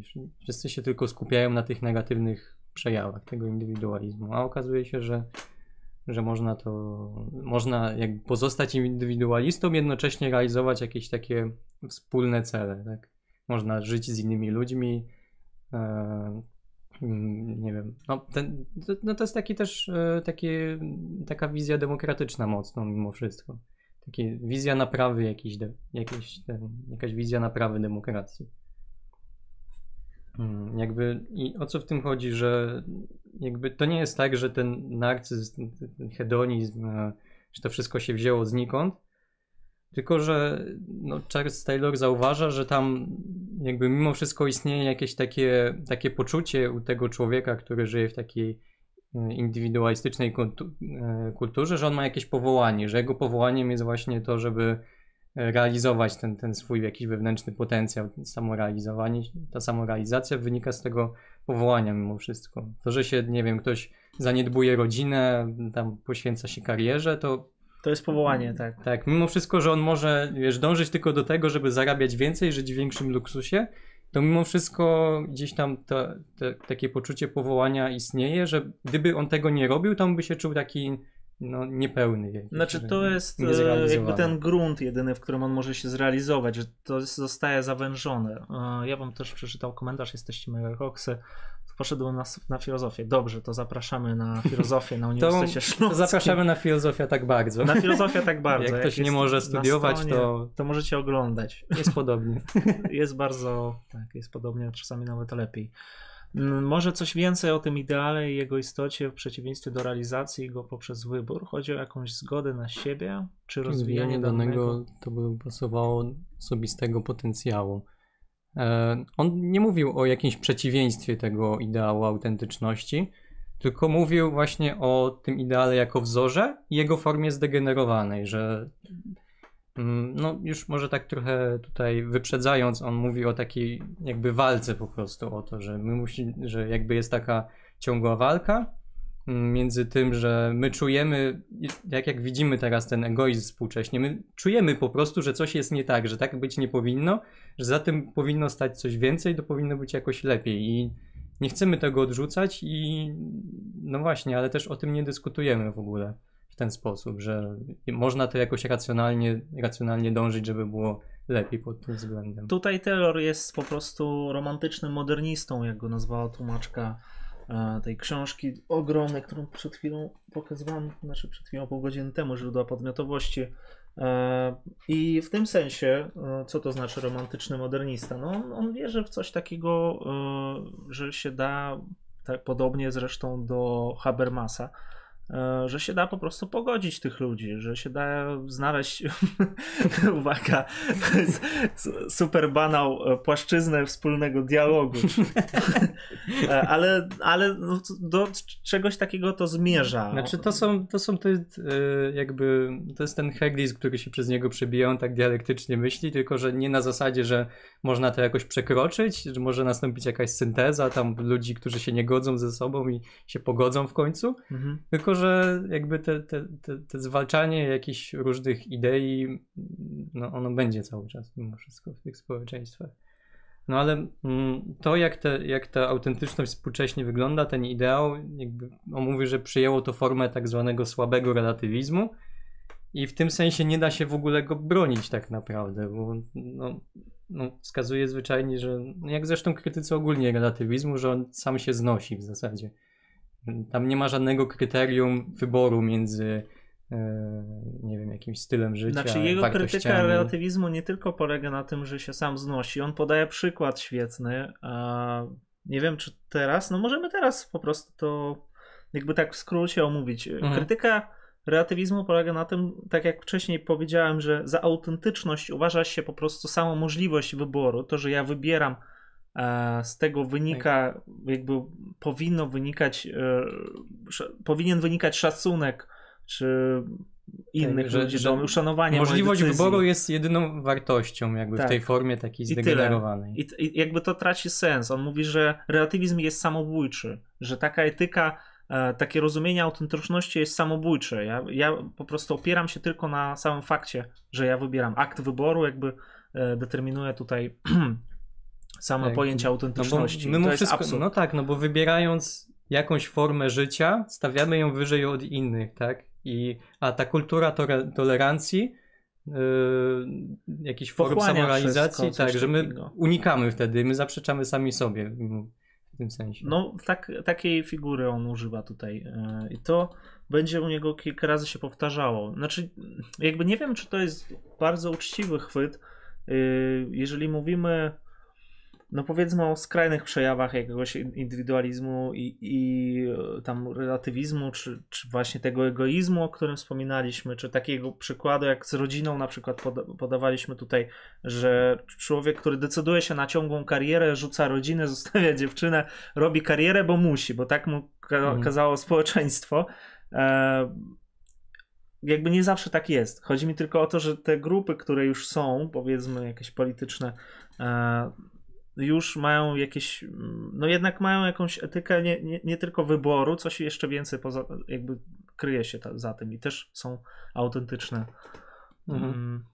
No i co? No i zupełnie nietrafiony zarzut e, przeciw relatywizmowi. No.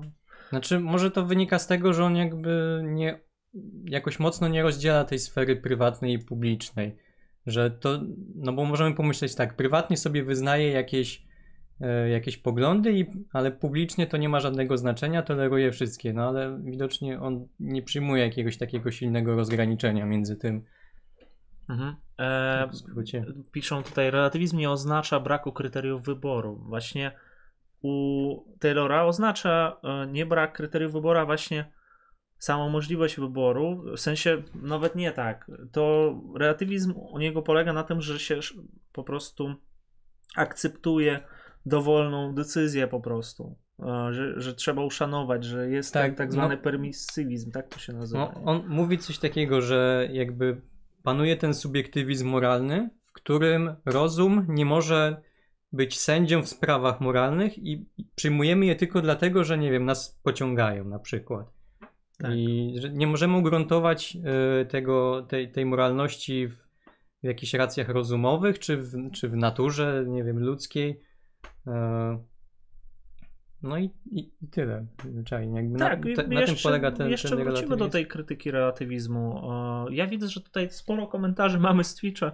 Dziękujemy, A, tam między że, sobą też dużo Tak, że tutaj e, generalnie no, nie, nie zawsze wiemy o co, o co, co się dzieje na czacie, ale staramy się jakby wszystko odczytywać. Nie chodzi o możliwość wyboru, ale kryteria no, wyboru w relatywizmie. O, tak, może złego sformułowania użyłem. Kryteria wyboru.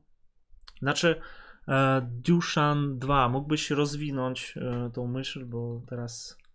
No właśnie, zdaniem Taylora chyba nie ma tych, jakby w tej, w tej formie takiej płytkiej, nie ma kryteriów wyboru, że my, my po prostu wybieramy to, co nam odpowiada. I tyle. Tak. Każdy sobie... Zgodnie z tym egoistycznym podejściem do.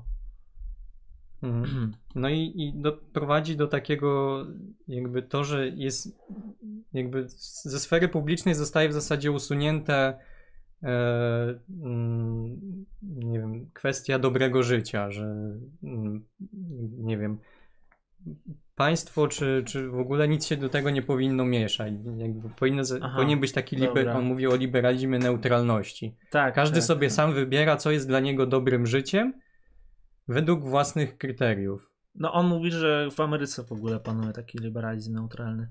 I, i, on mówi, że tym samym zwolennicy jednego z fundamentalnych ideałów nowoczesnej kultury muszą milczeć, a przeciwnicy go lekceważą. I jakby tym samym on gdzieś tam jest spychany w ten cień. No i na tym polega ta nie, niemota w dyskusji. A mamy pytanie, czy będą jakieś streamy o Bataju?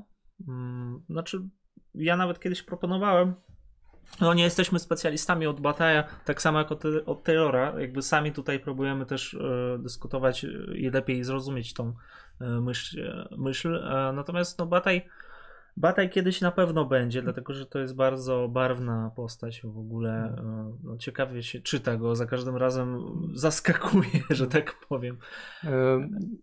Dużo, ja ci tylko odpowiem a propos tego relatywizmu, że Taylor nie mówi o relatywizmie w ogóle, tylko on mówi o tym relatywizmie panującym w Ameryce. Mhm. Zwyczajnie, to jak to wygląda, no tak jak się odnosił do tego Bluma, yy, właśnie jak, te, jak ten relatywizm. No przy czym on relatyw, kwestię relatywizmu jakby sprowadza e, do atomizmu, w sensie on mówi o atomizmie społecznym, tak, wszyscy są podzieleni, każdy ma swoje zdanie, I na tym polega jakby relatywizm, że, że się nie miesza w to, że nie da się tego uporządkować. On wierzy w jakąś, no, tak jak tutaj powiedziałem, roman, on jest romantykiem w pewnym sensie. On wierzy w, jak, w jakieś racjonalne podejście. Mm. Żeby podejmować moralne decyzje, nie musimy odnosić się do rozumu czy do natury. Relatywizm oznacza świadomość uwarunkowań naszych decyzji. Tu nie ma miejsca dla całkowitego subiektywizmu. Świadomość to jest... uwarunkowań. No, znaczy on by się poniekąd zgodził, no bo on właśnie mówił o tym. E, dziękujemy. dziękujemy bardzo bez, bezimiennemu. E, on, no, jak mówił o tym, złotych. że mimo wszystko te znaczy może on tego nie mówił, ale generalnie, no tak jak wspomniałem o tym komunitaryzmie, że Fergon jest jakimś wyznawcą, powiedzmy, e, no tam te zarzuty relatywizmu się pojawiają, bo on, wartości dla niego są jakoś tam ugruntowane w tej kulturze, tradycji, mimo wszystko to, jak ludzie postrzegają wartości, jakie wyznają. E, jakby to nie jest kwestia całkowicie dowolna w tym sensie, mm, bo tam się pojawia ten e, horyzont sensu. I mhm. jakby no, o tym no, może... to może o horyzoncie sen, sensu w takim razie powiemy coś, dlatego że to jest bardzo ważne pojęcie. On to nazywa po prostu nieuniknionym horyzontem, który musi być. E, co to znaczy horyzont? No, e, pojęcie horyzontu oznacza u niego e, po pierwsze, może tak, może zacznijmy po prostu od pytania, które on stawia, jak on dochodzi do tego horyzontu.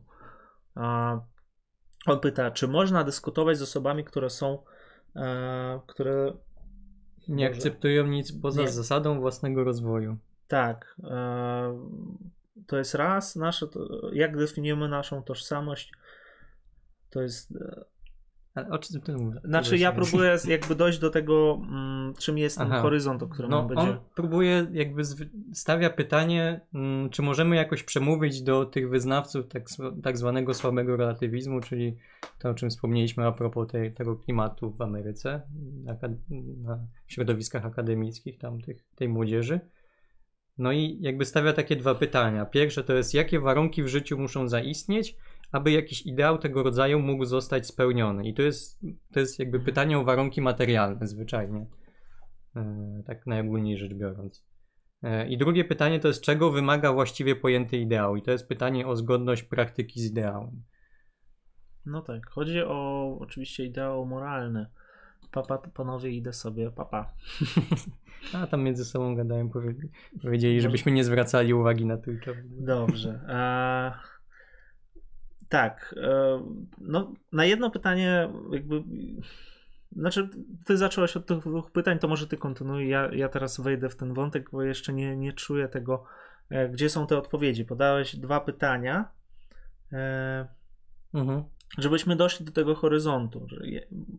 Tak, no to trzeba zacząć od, te, od tego, co on mówi a propos dialogiczności. Mówi coś takiego, że nasza egzystencja ma charakter dialogiczny, że my przyzwaja, przyswajamy język, no taki szeroko, szeroko rozumiany, poprzez interakcje z innymi mhm. e, i że definiowanie siebie, samookreślanie siebie jest w tym wszystkim zakorzenione i właśnie w ogóle gene, dla niego geneza ludzkiego umysłu jest dialogiczna, że nie da, nie da się dla niego, mm, nie wiem, może się pojawić też taki zarzut, że coś, nie wiem, że przyswajamy ten język, a później już możemy postępować egoistycznie i nie, nie brać pod uwagę w ogóle innych ludzi. No ja mówię, że właśnie, mm, że tak się nie da, że nie da się przyswoić języka i potem już być samodzielnym w pełni. Mówi, że to właśnie o czym wspominałeś, o tej kwestii istot, to, że ta tożsamość jest tam bardzo istotna u niego. Tak. Mówi coś takiego, że tożsamość definiujemy w dialogu lub w starciu z innymi, którzy też próbują nam nadać czy narzucić jakąś tożsamość że my możemy się wyzbyć jakichś autorytetów, na przykład auto, autorytetu rodziców, ale ten głos, i to jest takie właśnie takie psychoanalityczne, że ten głos rodziców cały czas gdzieś tam jest we, wewnątrz nas i my z nim prowadzimy też jakiś dialog.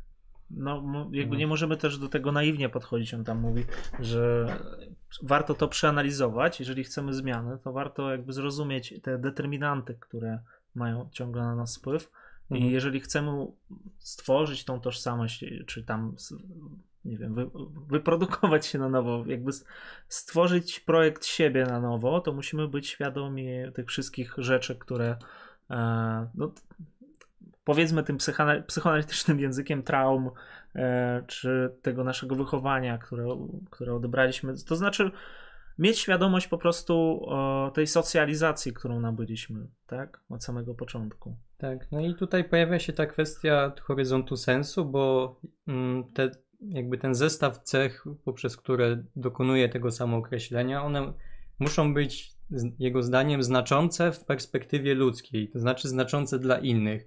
Ja nie mogę określić własnej tożsamości jedynie poprzez to, co jest dla mnie ważne, że my zawsze musimy się odnosić do tego, co jest ważne i znaczące dla innych.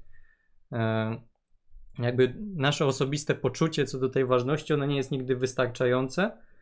E, że właśnie dopiero rzeczy nabierają dla nas sensu w tym horyzoncie sensu, o którym mówię. To jest to kluczowe pojęcie horyzontu sensu. Horyzont sens, sensu głównie jakby polega na tym, że są y, inni, jest znaczący inny, on tak mówi o tym, że znaczący inny, y, ja określam się przez innego. Ja na przykład y, całe życie jakby obcuję z różnymi ludźmi i teraz siedząc z Michałem też na nowo się jakby wytwarzam, przy czym on mówi, że tożsamość może się ustanowić, czy może pojawić się dopiero gdy ja wejdę w dialog z kimś, i wtedy będę musiał odpowiedzieć na jakieś pytania, no nie wiem, egzystencjalne czy pytania materialnej natury. Wtedy mhm. dopiero zostaje jakby zdefiniowany, nadajesz sobie jakąś tożsamość. E, wtedy muszę powiedzieć, czym się interesuję, co studiuję, mm, jakie mam priorytety w życiu i tak dalej. Jakby to wszystko wymienić, w ten sposób powstaje tożsamość. E, jeszcze mówię o tożsamości, że tożsamość jest tym, kim jesteśmy, skąd pochodzimy. Mm, bardzo prosta definicja, ale już jakby podałem to rozwinięcie wcześniej. E, mhm. Tak, i ta tożsamość to jest tak jakby, on to nazywa też tłem, e, do którego ciągle się zwracamy. Odnosimy do niego nasze gusty, pragnienia, opinie, e, opinie i aspiracje i to wszystko stwarza jakiś sens. Natomiast tym horyzontem jest moja tożsamość plus relacja dialogiczna plus jakby to całe otoczenie, otoczka, że nie, nie możemy jakby e, definiować tożsamość po, czy autentyczność e, naszej podmiotowości poprzez e, wolność pozytywną.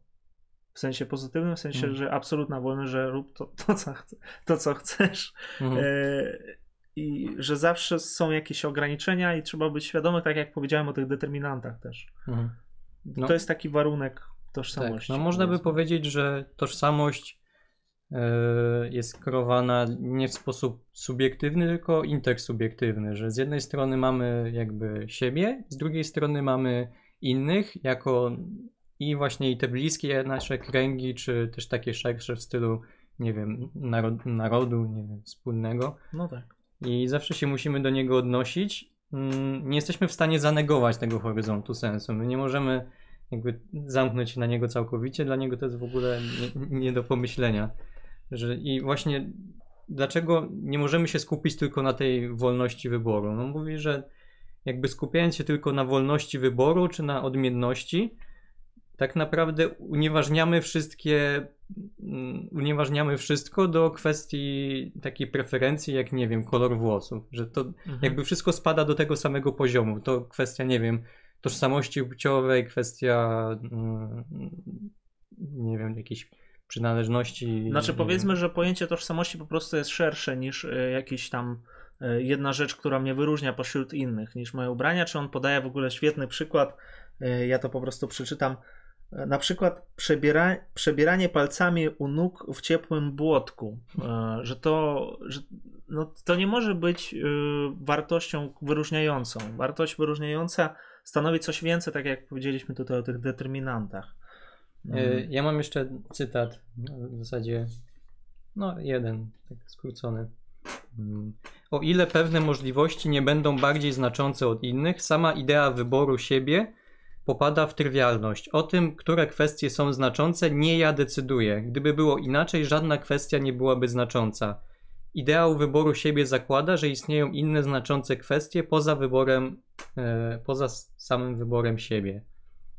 Czyli jakby bez tego horyzontu znaczeń zwyczajnie nic nie jest znaczące, tak? No jest jakaś pustka, tak, która ona jest dalej i my ją wypełniamy powiedzmy no, jakimś takim mm, e, pierdołami, brzydko mówiąc.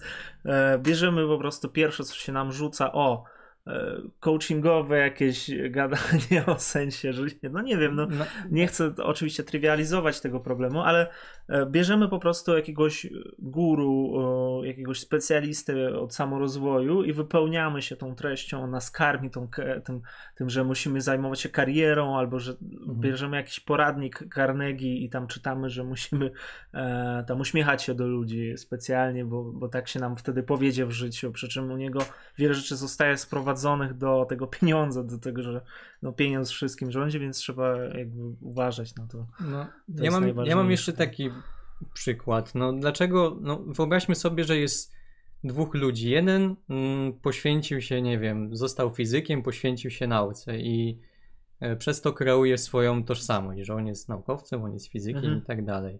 I mamy drugiego człowieka, który postanowił zostać, nie wiem, kolekcjonerem i kolekcjonuje, nie wiem, skrawki papieru różne. Mhm. I no, prosta sytuacja. I od razu nam się rzuca w oczy, że no, czyjeś życie, nie chcę powiedzieć, że jest bardziej wartościowe, ale że nie wiem, to czym się kieruje w życiu, jakby tutaj one nie są równe sobie, że to, to jest bez sensu jakby sprowadzanie na ten sam poziom tego, że ktoś się poświęca nauce, a tego, że ktoś poświęca życie, żeby zbierać skrawki papieru, które nikogo nie interesują poza nim.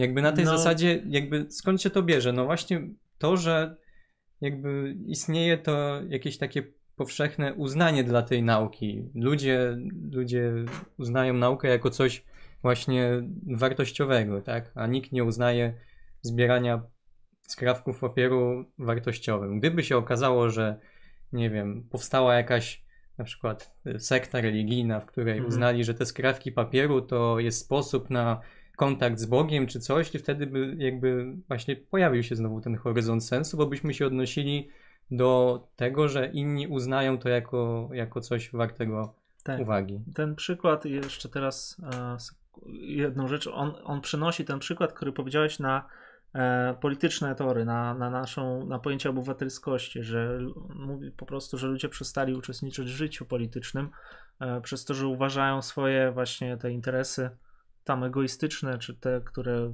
no, za, zawężone, za, za ważniejsze niż interesy społeczeństwa. I tutaj pojawia się ten właśnie e, to, co nazywa się komunitaryzmem po prostu. Tak. Teraz e, komentarz. Kiedyś wiedziałem zestawienie opracowania Taylora i prewencyjnej koncepcji zła filozofii Kołakowskiego. W sumie dobre uzupełnienie.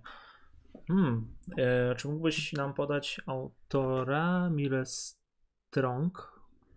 Mm. Będziemy Ci wdzięczni. No ja, ja bym chciał jeszcze powiedzieć. E, co ja chciałem powiedzieć? Teraz mi wypadło, jak przeczytałeś ten komentarz. E, no i... Jakby na tym zasadza się krytyka tego egoizmu, e, mhm. e, właśnie rozumianego jako jakaś taka sam, samorealizacja, nie wiem, że jakby na tym zasadza się ta krytyka takiego instrumentalnego traktowania innych ludzi, że najważniejsze jest, nie wiem, realizacja siebie, swojego potencjału, że można traktować mm, te znajomości w jakiś taki sposób.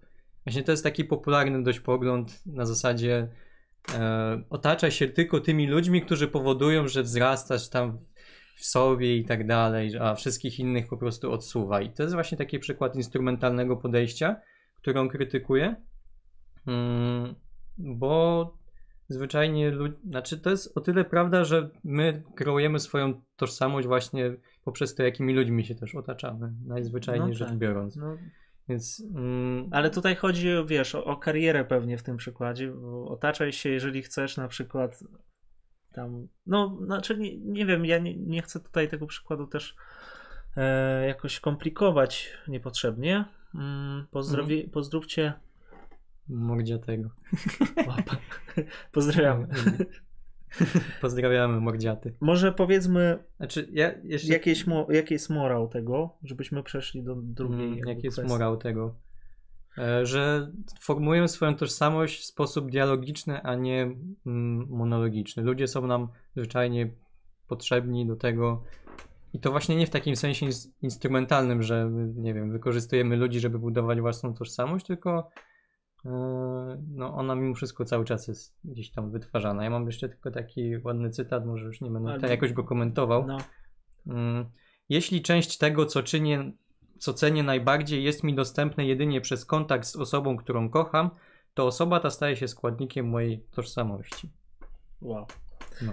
Tak, to, to jest bardzo dobry cytat. Tak, a i, ja. I, no. I właśnie i to jakby jest takim może trochę domknięciem klamry, że my nie budujemy tożsamości jedynie odwołując się do jakiegoś wnętrza swojego, że my nie mamy, nie wiem, nie, nie ogranicza się do tego, że mamy jakiś głos wewnętrzny, którego musimy słuchać, zrealizować jakąś własną potencję i wtedy już mamy zbudowaną tożsamość.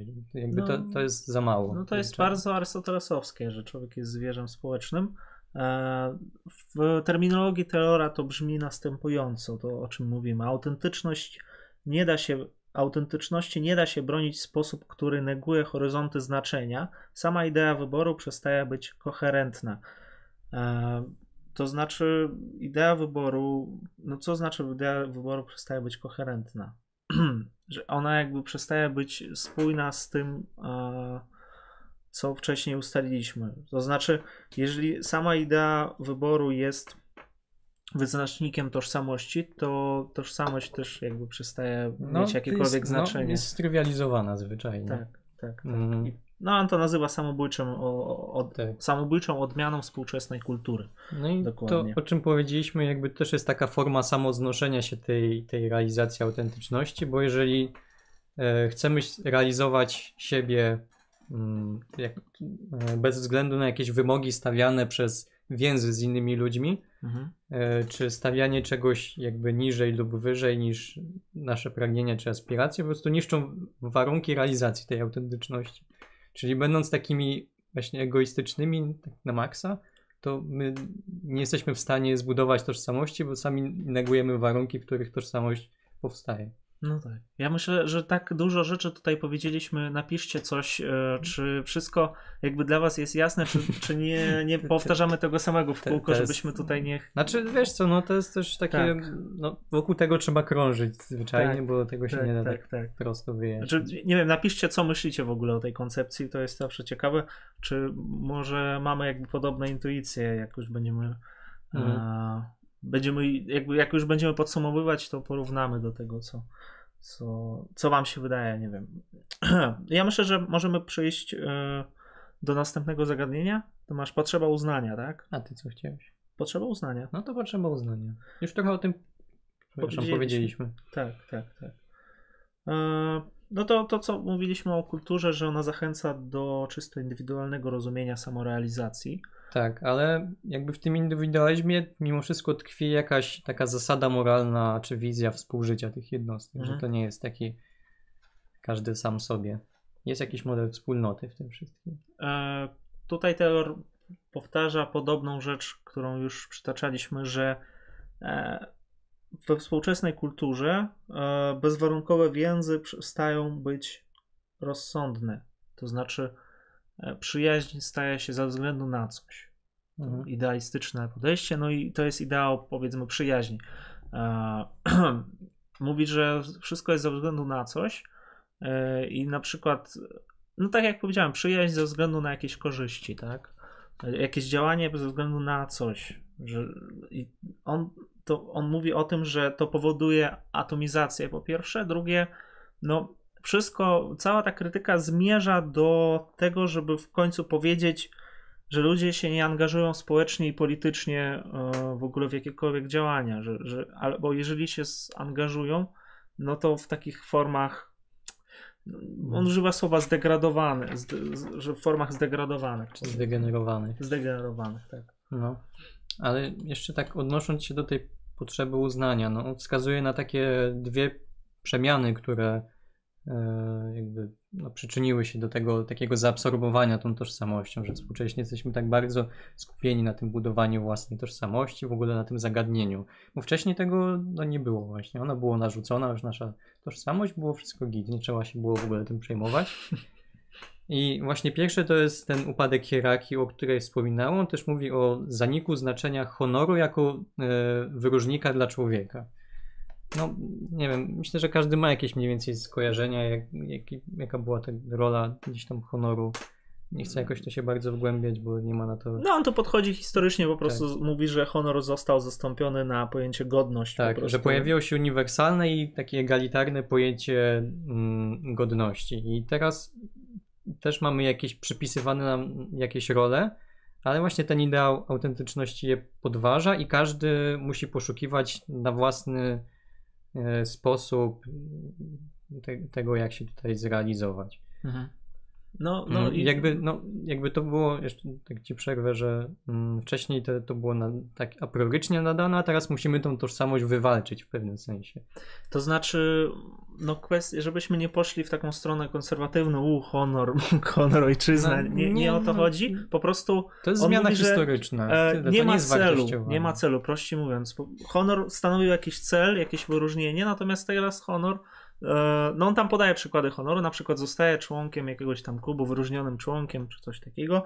E, tego już nie ma, więc człowiek poszukuje nowego celu, a ten cel, no, według niego e, okazuje się najczęściej czymś strywializowanym, banalnym i sprowadza się do tego właśnie poplania się w błotku dużym palcem. no i no, do niczego w zasadzie. Komentarze. To, co odpowiecie na to, skoro moja tożsamość nie jest tworzona tylko przeze mnie, to dlaczego w sytuacjach, gdy mogę zadziałać egoistycznie, nie powinienem tego robić? To znaczy, skoro moje możliwości są tak ograniczone, to dlaczego nie mam być egoistą w sytuacji, gdy jakikolwiek wybór mam? To znaczy, e, może dlatego, że nie znamy ciebie. najprostsza odpowiedź. E, jeżeli powiedzmy hipotetycznie, osoba, która nie zachowuje się egoistycznie, no tutaj nie chodzi o pojęcie egoizmu tylko jakby zawężone do tego rozumienia, że zdobyć korzyść, bo on tak. mówi, że egoizm jako skrajny mm, atomizm i jako słaby relatywizm. On, on to jakby to rozumie przez pojęcie egoizmu. Jego to się wiąże wszystko w jedną taką całość, zbitkę. Więc e, no, nie wiemy, czy przejawiasz tutaj skłonności atomistyczne. E, no i do tego kwestia rozumu instrumentalnego, o której już wspominaliśmy nieraz. Rozum instrumentalny e, no, polega na tym, że się kalkuluje tak z korzyścią dla. Po prostu preferuje się techniczne rozwiązania, najprościej mówiąc. Takie techniczne, e, że, że się patrzy na jakiś szczegół, a nie na ogół, no, prościej mówiąc. I się zawęża do tego szczegółu cały problem tak jak na przykład e, no, mamy tam różnych technofilów i oni mówią, że wszystko da się rozwiązać za pomocą techniki, że technika nas właśnie uratuje, przede wszystkim e, weźmiemy tam wymyślimy po prostu jakieś narzędzie i rozwiążemy w ten sposób problem, nie zwracając uwagi na te inne aspekty tam psychiczne, psychologiczne, czy coś, coś właśnie w tym rodzaju. Znaczy, no, ja może tylko powiedział tyle, że no, mo możesz być egoistyczny, jakby to jakby... Nie zakazujemy nie, nikomu być Taylor też tego w pewnym sensie nie zakazuje, tylko on pokazuje, że to jest konsekwencja właśnie tego, o czym cały czas tutaj mówimy, że egoizm to jest jedynie konsekwencja wypaczenia tego ideału i tyle. Ideału autentyczności, czy ideału moralności. No i nie trzeba, jakby nie powinno się też myśleć o tym, że egoizm to jest właśnie działanie dla własnych korzyści. Jakby to mówi wprost, że jakby taki rozum instrumentalny, gdzie my wszystko tylko jakby obliczamy na korzyści, on ma swoje miejsce w tym świecie. Jedyne co, no to nie można mu wszystkiego podporządkowywać. On ma tylko jakby wyznaczone jakieś ograniczone pole działania. Tak. I w tym sensie egoizm też może się gdzieś tam pojawiać. No to jakby on nie analizuje tego w takim sensie, czy dlaczego nie być egoistą, tak sensu stricto, tylko skąd no, to się bardziej wzięło. Tak, tak, to jest prawda. On, tak jak powiedziałem też, że jego analizę, no to jest etyka opisowa bardziej niż normatywna. Etyka autentyczności E, jak jest rozumiana autentyczność, a nie co to jest autentyczność. No on oczywiście mówi, czym jest prawdopodobnie autentyczność, a on jest bardzo skromny oczywiście e, i no nie, nie, nie narzuca jakby tutaj jakiegoś imperatywu autentyczności. Hmm. Tak. Jakby. On mówi, no, że jakby na tej płaszczyźnie takiej publicznej, egocentryczny indywidualizm może no, jak najbardziej działać. No ale jakby Może powiedzmy coś o przeciwieństwie e, egoizmu. Mhm. E, przeciwieństwo egoizmu, no to u niego to jest pojęcie wspólnoty i też pojęcie równości, które jest oczywiście bardzo teraz e, zabrzmiało enigmatyczne. enigmatycznie. Czym jest równość? Ja przeczytam Taylora, żeby e, tutaj nie, nie wymyślać e, definicji. Mhm. Równość nie oznacza wyboru, to jest definicja negatywna, lecz opiera się ona na, cech, na cechach wspólnych, które są wartościowe Wzajemne uznanie odmienności plus materialna zgoda co do wartości, e, to, czyli wartości, które oznaczają coś więcej niż poza kwestią tam ubrań czy tego poplania, mhm. poplania się w błotku. E, jest to jakby wszystko wspólnotowe. On, on mówi, że łączymy, no najprościej mówiąc, e, uznanie wzajemnej odmienności z materialną zgodą co do wartości. A ta materialna zgoda co do wartości to jest coś więcej niż tylko e, jakieś. No to są wartości, które według niego. Podzielamy. Tak. Że podzielamy. muszą być jakieś wartości, które podzielamy, że tylko na tej bazie jesteśmy w stanie z, e, uznać odmienność. E, jednocześnie móc budować jakby w relacji tak. do tego tą tożsamość. No, wartości, no, że coś jest e, wyższe na przykład że coś jest lepsze. Że na przykład takie... uznajemy, że kobieta i mężczyzna są równi jakby dlatego, że tam i tutaj wstawiamy sobie jakąś tam wartość. Tak, tak. Mniej więcej tak, tak by to można było rozumieć i yy, no i to wszystko jakby klamrą jest wspólność, pojęcie wspólności, on mówi wtedy jakby jest wspólność, pojawia się i jest ten wspólny horyzont, e, wtedy możemy jakoś dyskutować. Co jeszcze? E, no, ja, ja, jeszcze przeczytam dwie rzeczy takie, które wydają mi się bardzo, bardzo istotne w tym, o, czym mówimy. Niewspólny organizm polityczny, e, to znaczy, jakby ta, ten wspólny horyzont nie oznacza wspólnego organizmu politycznego, e, jednego organizmu, bo inaczej Gdybyśmy zamknęli się w tym wspólnym organizmie politycznym, no to pojawia się kwestia obcokrajowców. E, I mówi także nie bezwzględna akceptacja e, wspólnoty politycznej, w której znaleźliśmy się. No, jak wiemy, znaleźliśmy się przygodnie, tutaj idąc za Rortim, oczywiście Taylor jest chyba przeciwieństwem Rortiego w ogóle. Lecz wspólne uczestnictwo w życiu politycznym. Jakby te dwie rzeczy, on mówi, ani organizm polityczny, do którego my należymy, że ani to, że jest akceptacja po prostu bezmyślna tego systemu, w którym znaleźliśmy się przy, przygodnie zresztą, lecz wspólne uczestnictwo w życiu politycznym. No, to jest jakaś postawa obywatelska, jakieś zainteresowanie, jakieś. No, on przywołuje tam kilkukrotnie, jest cały osobny rozdział zatytułowany Żelazna Klatka. Tak. I to jest z tym związane, ta postawa obywatelska, że pesymiści, jacyś tacy, mm, nie wiem, społeczni, czy, czy no tak, wiem, jak no, to określić, że jakby dla nich my mm, jesteśmy zamknięci. Kulturowi, czy, czy kulturowi. Jesteśmy, jak mamy narzucone e, właśnie te. E, ta, ta kultura jest nam narzucona, właśnie ta, ta forma społeczeństwa i tak dalej, że tutaj nie da się w zasadzie zbyt wiele zdziałać, że my jesteśmy w pewnym sensie zdeterminowani przez, przez to wszystko. I znaczy... taka postawa obywatelska tutaj E, będzie. Nawet będzie nie narzucona kontrą. jest zła po prostu i krytyka chyba wychodzi od tego, że no, że ludzie przestali się interesować tam literaturą u Bluma na przykład, tak? Bo, bo mm. narzucona kultura to jest raczej ta krytyka z innej, z innego obozu. Mm, znaczy nie wiem o czym teraz mówisz, nieważne. No dobra. Eee, no, coś chciałem Przedam ci w słowo, przepraszam. E, I co? Aha, no i ta postawa obywatelska, o której powiedzieliśmy, mm, no ona jest utrudniona współcześnie, zauważył, że właśnie przez to, że mamy ten atomizm, mamy to jakieś takie, nie wiem, osamotnienie mm, takiej wobec tej, wobec tej całej tej machiny jakiejś biurokratycznej czy, czy technicznej, no nie ułatwia tej, nie ułatwia sprawy. Nie wiem, czy ty pamiętasz, e, jaką próbuję to kontrolować. No bo to nie jest tak, że wystarczy, o dobra, teraz będę zaangażowanym obywatelem i będzie dobrze. No.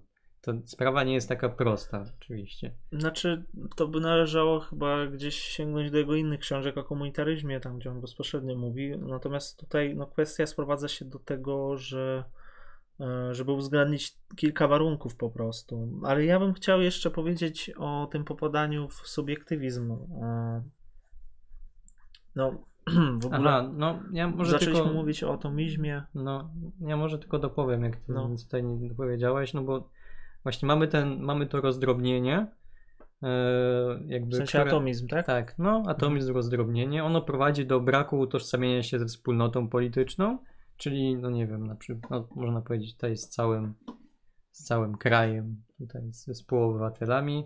Prowadzi to do politycznej bezradności, do, a to prowadzi do demobilizacji i prowadzi do alienacji. To jest takie błędne koło, w którym jesteśmy zamykani w pewnym sensie. No i no oczywiście tam próbuję podać jakieś przykłady, jak można z tego wyjść, ale nie podaję takich ostatecznych rozwiązań. No Mówię i- tam o decentralizacji władzy na przykład, że jakby Tak. to może przyczynić się do tego, że my bardziej zaangażujemy się w to życie polityczne, bo będzie więcej zależało od nas, będziemy bardziej bezpośrednio w to wszystko zaangażowani. Łatwiej będzie tworzyć jakieś takie wspólnoty, e, które będą działały na rzecz czegoś. No ale z drugiej strony przez to możemy popaść, jak on to mówi, w życie w cieniu wielkich potęg, że no, Mhm. jakby no nie wiem, my się rozdrobnimy na, nie wiem, na jakieś, Polskę rozdrobnimy na województwa, fajnie będzie, ale no to Rosja tutaj sobie na przykład wkroczy chętnie wtedy bardzo i my już się tam nie, nie, nie przeciwstawimy tego, będziemy zbyt malutcy. No, on, To jest taki on też nie podaje przykładów, dlatego że przykłady łatwo od razu odrzucić. Natomiast Tak. jego stanowisko jest mm, pomiędzy skrajną, skrajnym kulturowym pesymizmem, a skrajnym właśnie kulturowym optymizmem. Że spróbujmy pomyśleć jeszcze inaczej i no, wyjściem z tych dwóch impasów, powiedzmy, wyjście dla niego znajduje się w tej wspólnocie obywatelskości w jakimś pojęciu równości e, i w, w państwie w państwie opiekuńczym w zasadzie. No, Tak, no, tutaj bo komunitaryzm wchodzi mocno. Tak, no to taka właśnie jakaś wspólnotowa, taka obywatelska postawa, czy demokratyczna inicjatywa jest dla niego jedną z takich trzech głównych sił, czy, czy mechanizmów takich.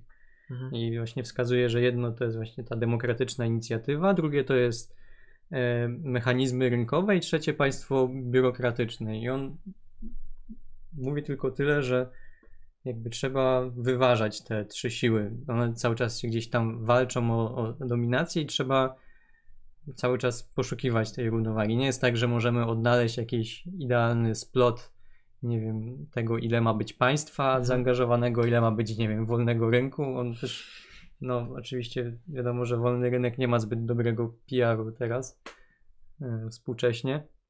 No ale no, dla niego w jakimś stopniu musi gdzieś tam też funkcjonować. No, E, I to są takie, one się zwalczają wzajemnie i to będzie trwać cały czas. A my musimy też w tej walce brać udział. Znaczy trzeba, trzeba też rozumieć jakby, że no nie będzie podawał tutaj, tworzył kolejnego komunizmu ze względu na to, że też e, no, z państwa są różne, różnią się i on nie będzie, on nie podaje tutaj recepty, bo to jest generalnie etyka, to ma dotyczyć e, tylko osoby jakby, albo w jego, w jego przypadku wspólnoty jakiejś. E, Mhm. Bardziej, jakby jego analiza bardziej skupia się na źródłach kryzysu, pewnego kryzysu tożsamości, skąd to się bierze. E, Ja bym jeszcze zwrócił uwagę na jedną rzecz, która mi się tak spodobała. Kiedy on mówi, że musimy za każdym razem odkrywać siebie na nowo, że musimy za każdym razem e, siebie jakby stwarzać e, i jak odnaleźć się w tym świecie, no podawaliśmy już różne takie trywialne przykłady. E, Mówię o ciekawej rzeczy, że na przykład teraz wydaje się nam, że odkrywanie siebie jest związane z, jako, jakoś z twórczością. E, I od razu jakby ta twórczość e, mówi twórczość artystyczna i e, pomiędzy stworzeniem siebie na nowo, odkrywaniem siebie na nowo istnieje ścisły związek pomiędzy tym a twórczością artystyczną. Tak, że to jak traktujemy nasze życie, że to Mhm. się zbliża właśnie do takiej, takiej artystycznej jakby realizacji w pewnym sensie. Tak, tak, tak. E, czyli jakby kwestia estetyczna tutaj wyprzedza kwestię no, etyczną. I mówi, że wychodzi na to, że ja odkrywam siebie poprzez moje dzieło, poprzez to, co tworzę jako artysta. Tak. E, bardzo mm, abstrakcyjnie to brzmi, e, dlatego że no, czy chodzi o artystę, czy jednak chodzi o metaforę artysty. Nie możemy, no nie możemy tego jakby dokładnie stwierdzić, o co mu dokładnie tutaj chodzi. Czy... Ja podejrzewam, że w ogóle chodzi o mnie jako o dzieło, czy...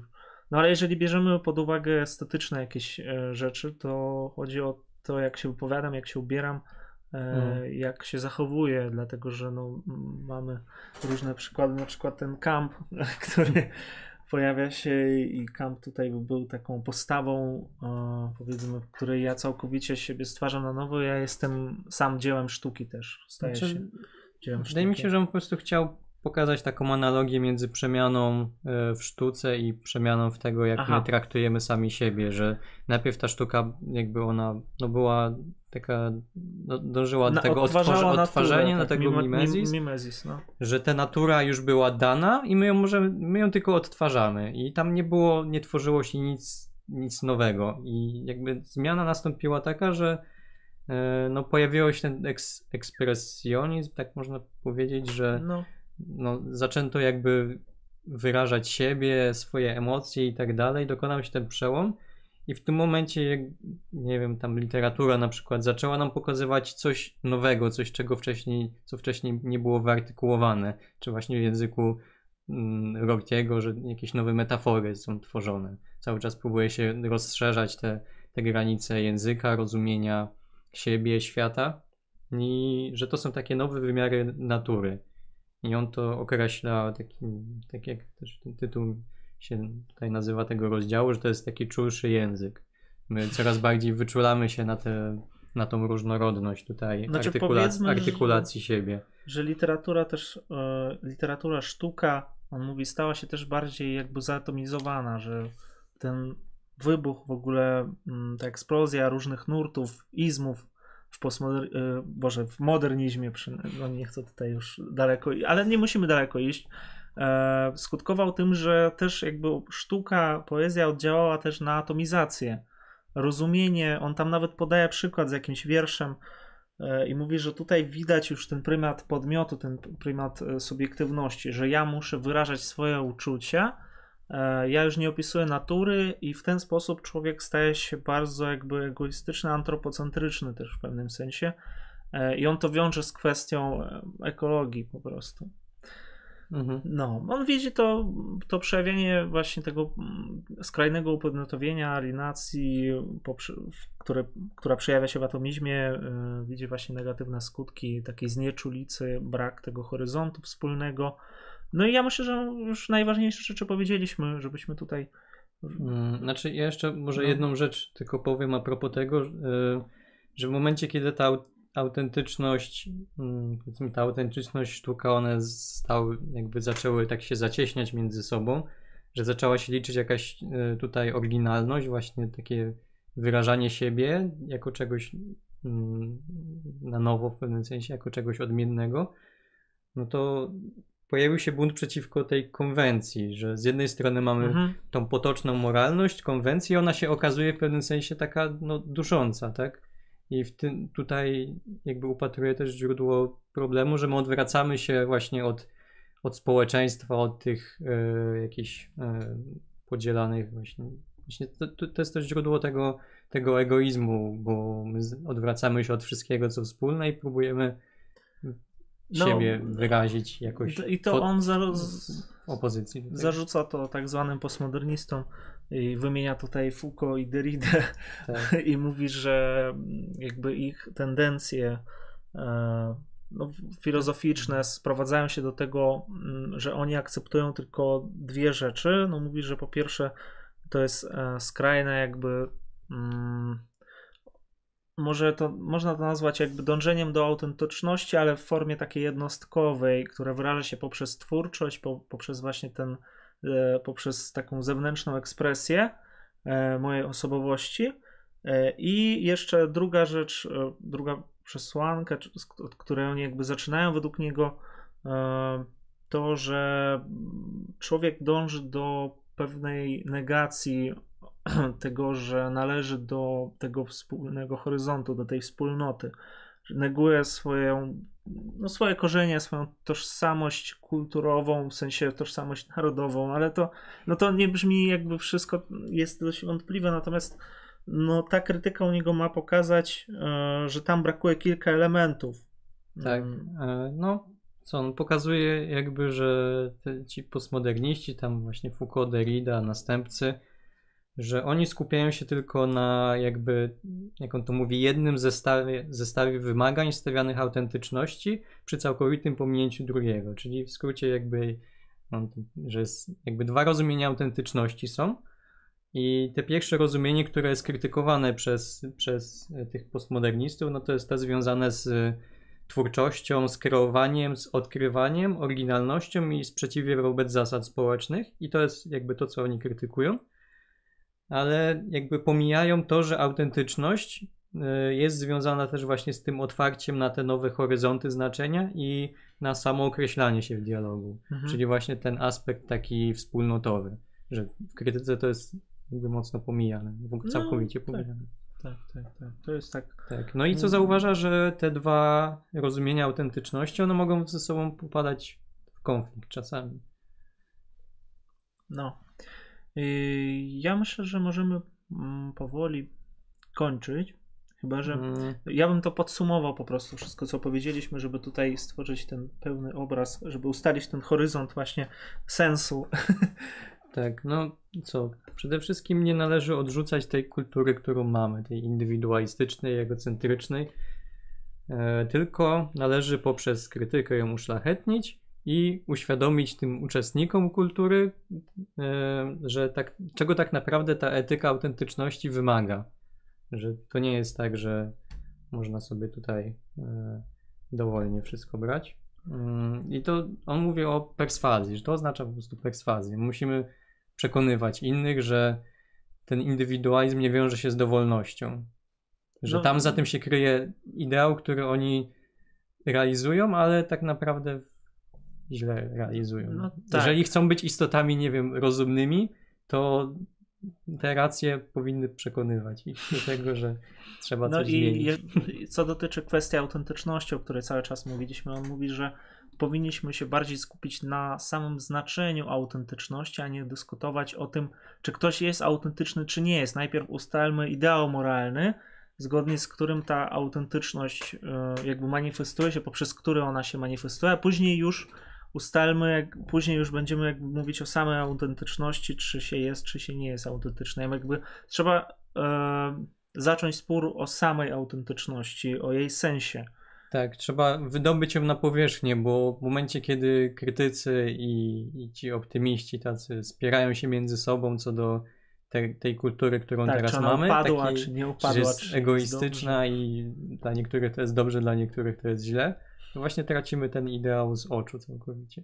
Tak, on mówi, że ideał zawsze jakby jakiś jest, ale teraz no, on jest w tej formie niewłaściwej, a musimy odnaleźć tą, tą formę właściwą i to Znaczy, będzie jakby ten cel. No dążyć. To jest taki ho- horyzont, do którego no, nie- będziemy zawsze, z- powinniśmy zawsze zmierzać. Tak, tak. I jakby te tendencje do upadku, właśnie taki, jaki obserwujemy teraz, można powiedzieć, do tej degeneracji, one zawsze będą i jakby te, ta wewnętrzna siła tego ideału i te tendencje do upadku, one się będą wiecznie ścierać. To będzie wieczna walka, w której my chcąc nie chcąc bierzemy udział. No, to ja myślę, że to jest bardzo dobre podsumowanie. E, I ja zajrzę do komentarzy, czy coś tam tutaj e, nam tutaj Mhm. jeszcze napisaliście. Mm, Widzę, że dużo było. Tak, no i jeszcze co można też podsumować, że etyka autentyczności nie tylko nie odrzuca bezwarunkowych związków międzyludzkich, ale ich wręcz wymaga. Nie, nie możemy traktować właśnie ludzi instrumentalnie, bo ta etyka, która leży u, u podłoża tego, mm, tej naszej kultury, której my nie chcemy się pozbyć, tego indywidualizmu, no ona tego zwyczajnie wymaga. Jeżeli będziemy dalej jakby to ignorować, no to stracimy to, co mamy. No. I takie, takie jest podsumowanie. Ja patrzę, co tutaj jeszcze. No dobrze, to nikt nic nie pisze.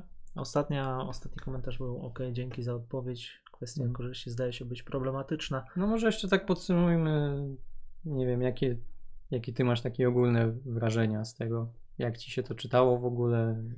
Znaczy, brakuje, Czy ci się to podoba? Ja, ja ci powiem tak, że jak w wielu e, przypadkach e, takich właśnie myślicieli krytycznych albo socjologicznych opracowaniach, szczególnie, że no, u niego to nie jest takie proste, że on tylko opisując coś jeszcze proponuje, ale brakuje mi takich e, pozytywnych rozwiązań. No, zawsze jakby często jest tak, że filozofowie e, no, fajnie, fajnie sobie krytykują, a z drugiej strony ciężko jest e, zaproponować coś pozytywnego. E, jego pozytywnym jakby rozwiązaniem no, jest tworzenie tych wspólnot, albo nie takich zamkniętych, właśnie otwartych, tworzenie tego, tej autentyczności. Wydaje mi się, że coś tutaj jeszcze mm, umknęło mu. Właśnie. Mhm. Dla mnie to jest taki filozof uświadamiania. Na zasadzie, że my mamy coś przed oczami, ale tego nie widzimy. My mamy przed oczami to, że inni ludzie są dla nas ważni, a mimo to ignorujemy to i staramy się, nie wiem, żyć na własny rachunek, tak? I on próbuje właśnie tak perswazyjnie mocno pokazać, tak może nawet trochę sokratycznie na zasadzie, że on tak, tak ci, wiesz, przedstawi pewne sprawy, że ty nie jesteś w stanie tego odrzucić na takim poziomie rozumowym, to musisz się z nim zgodzić.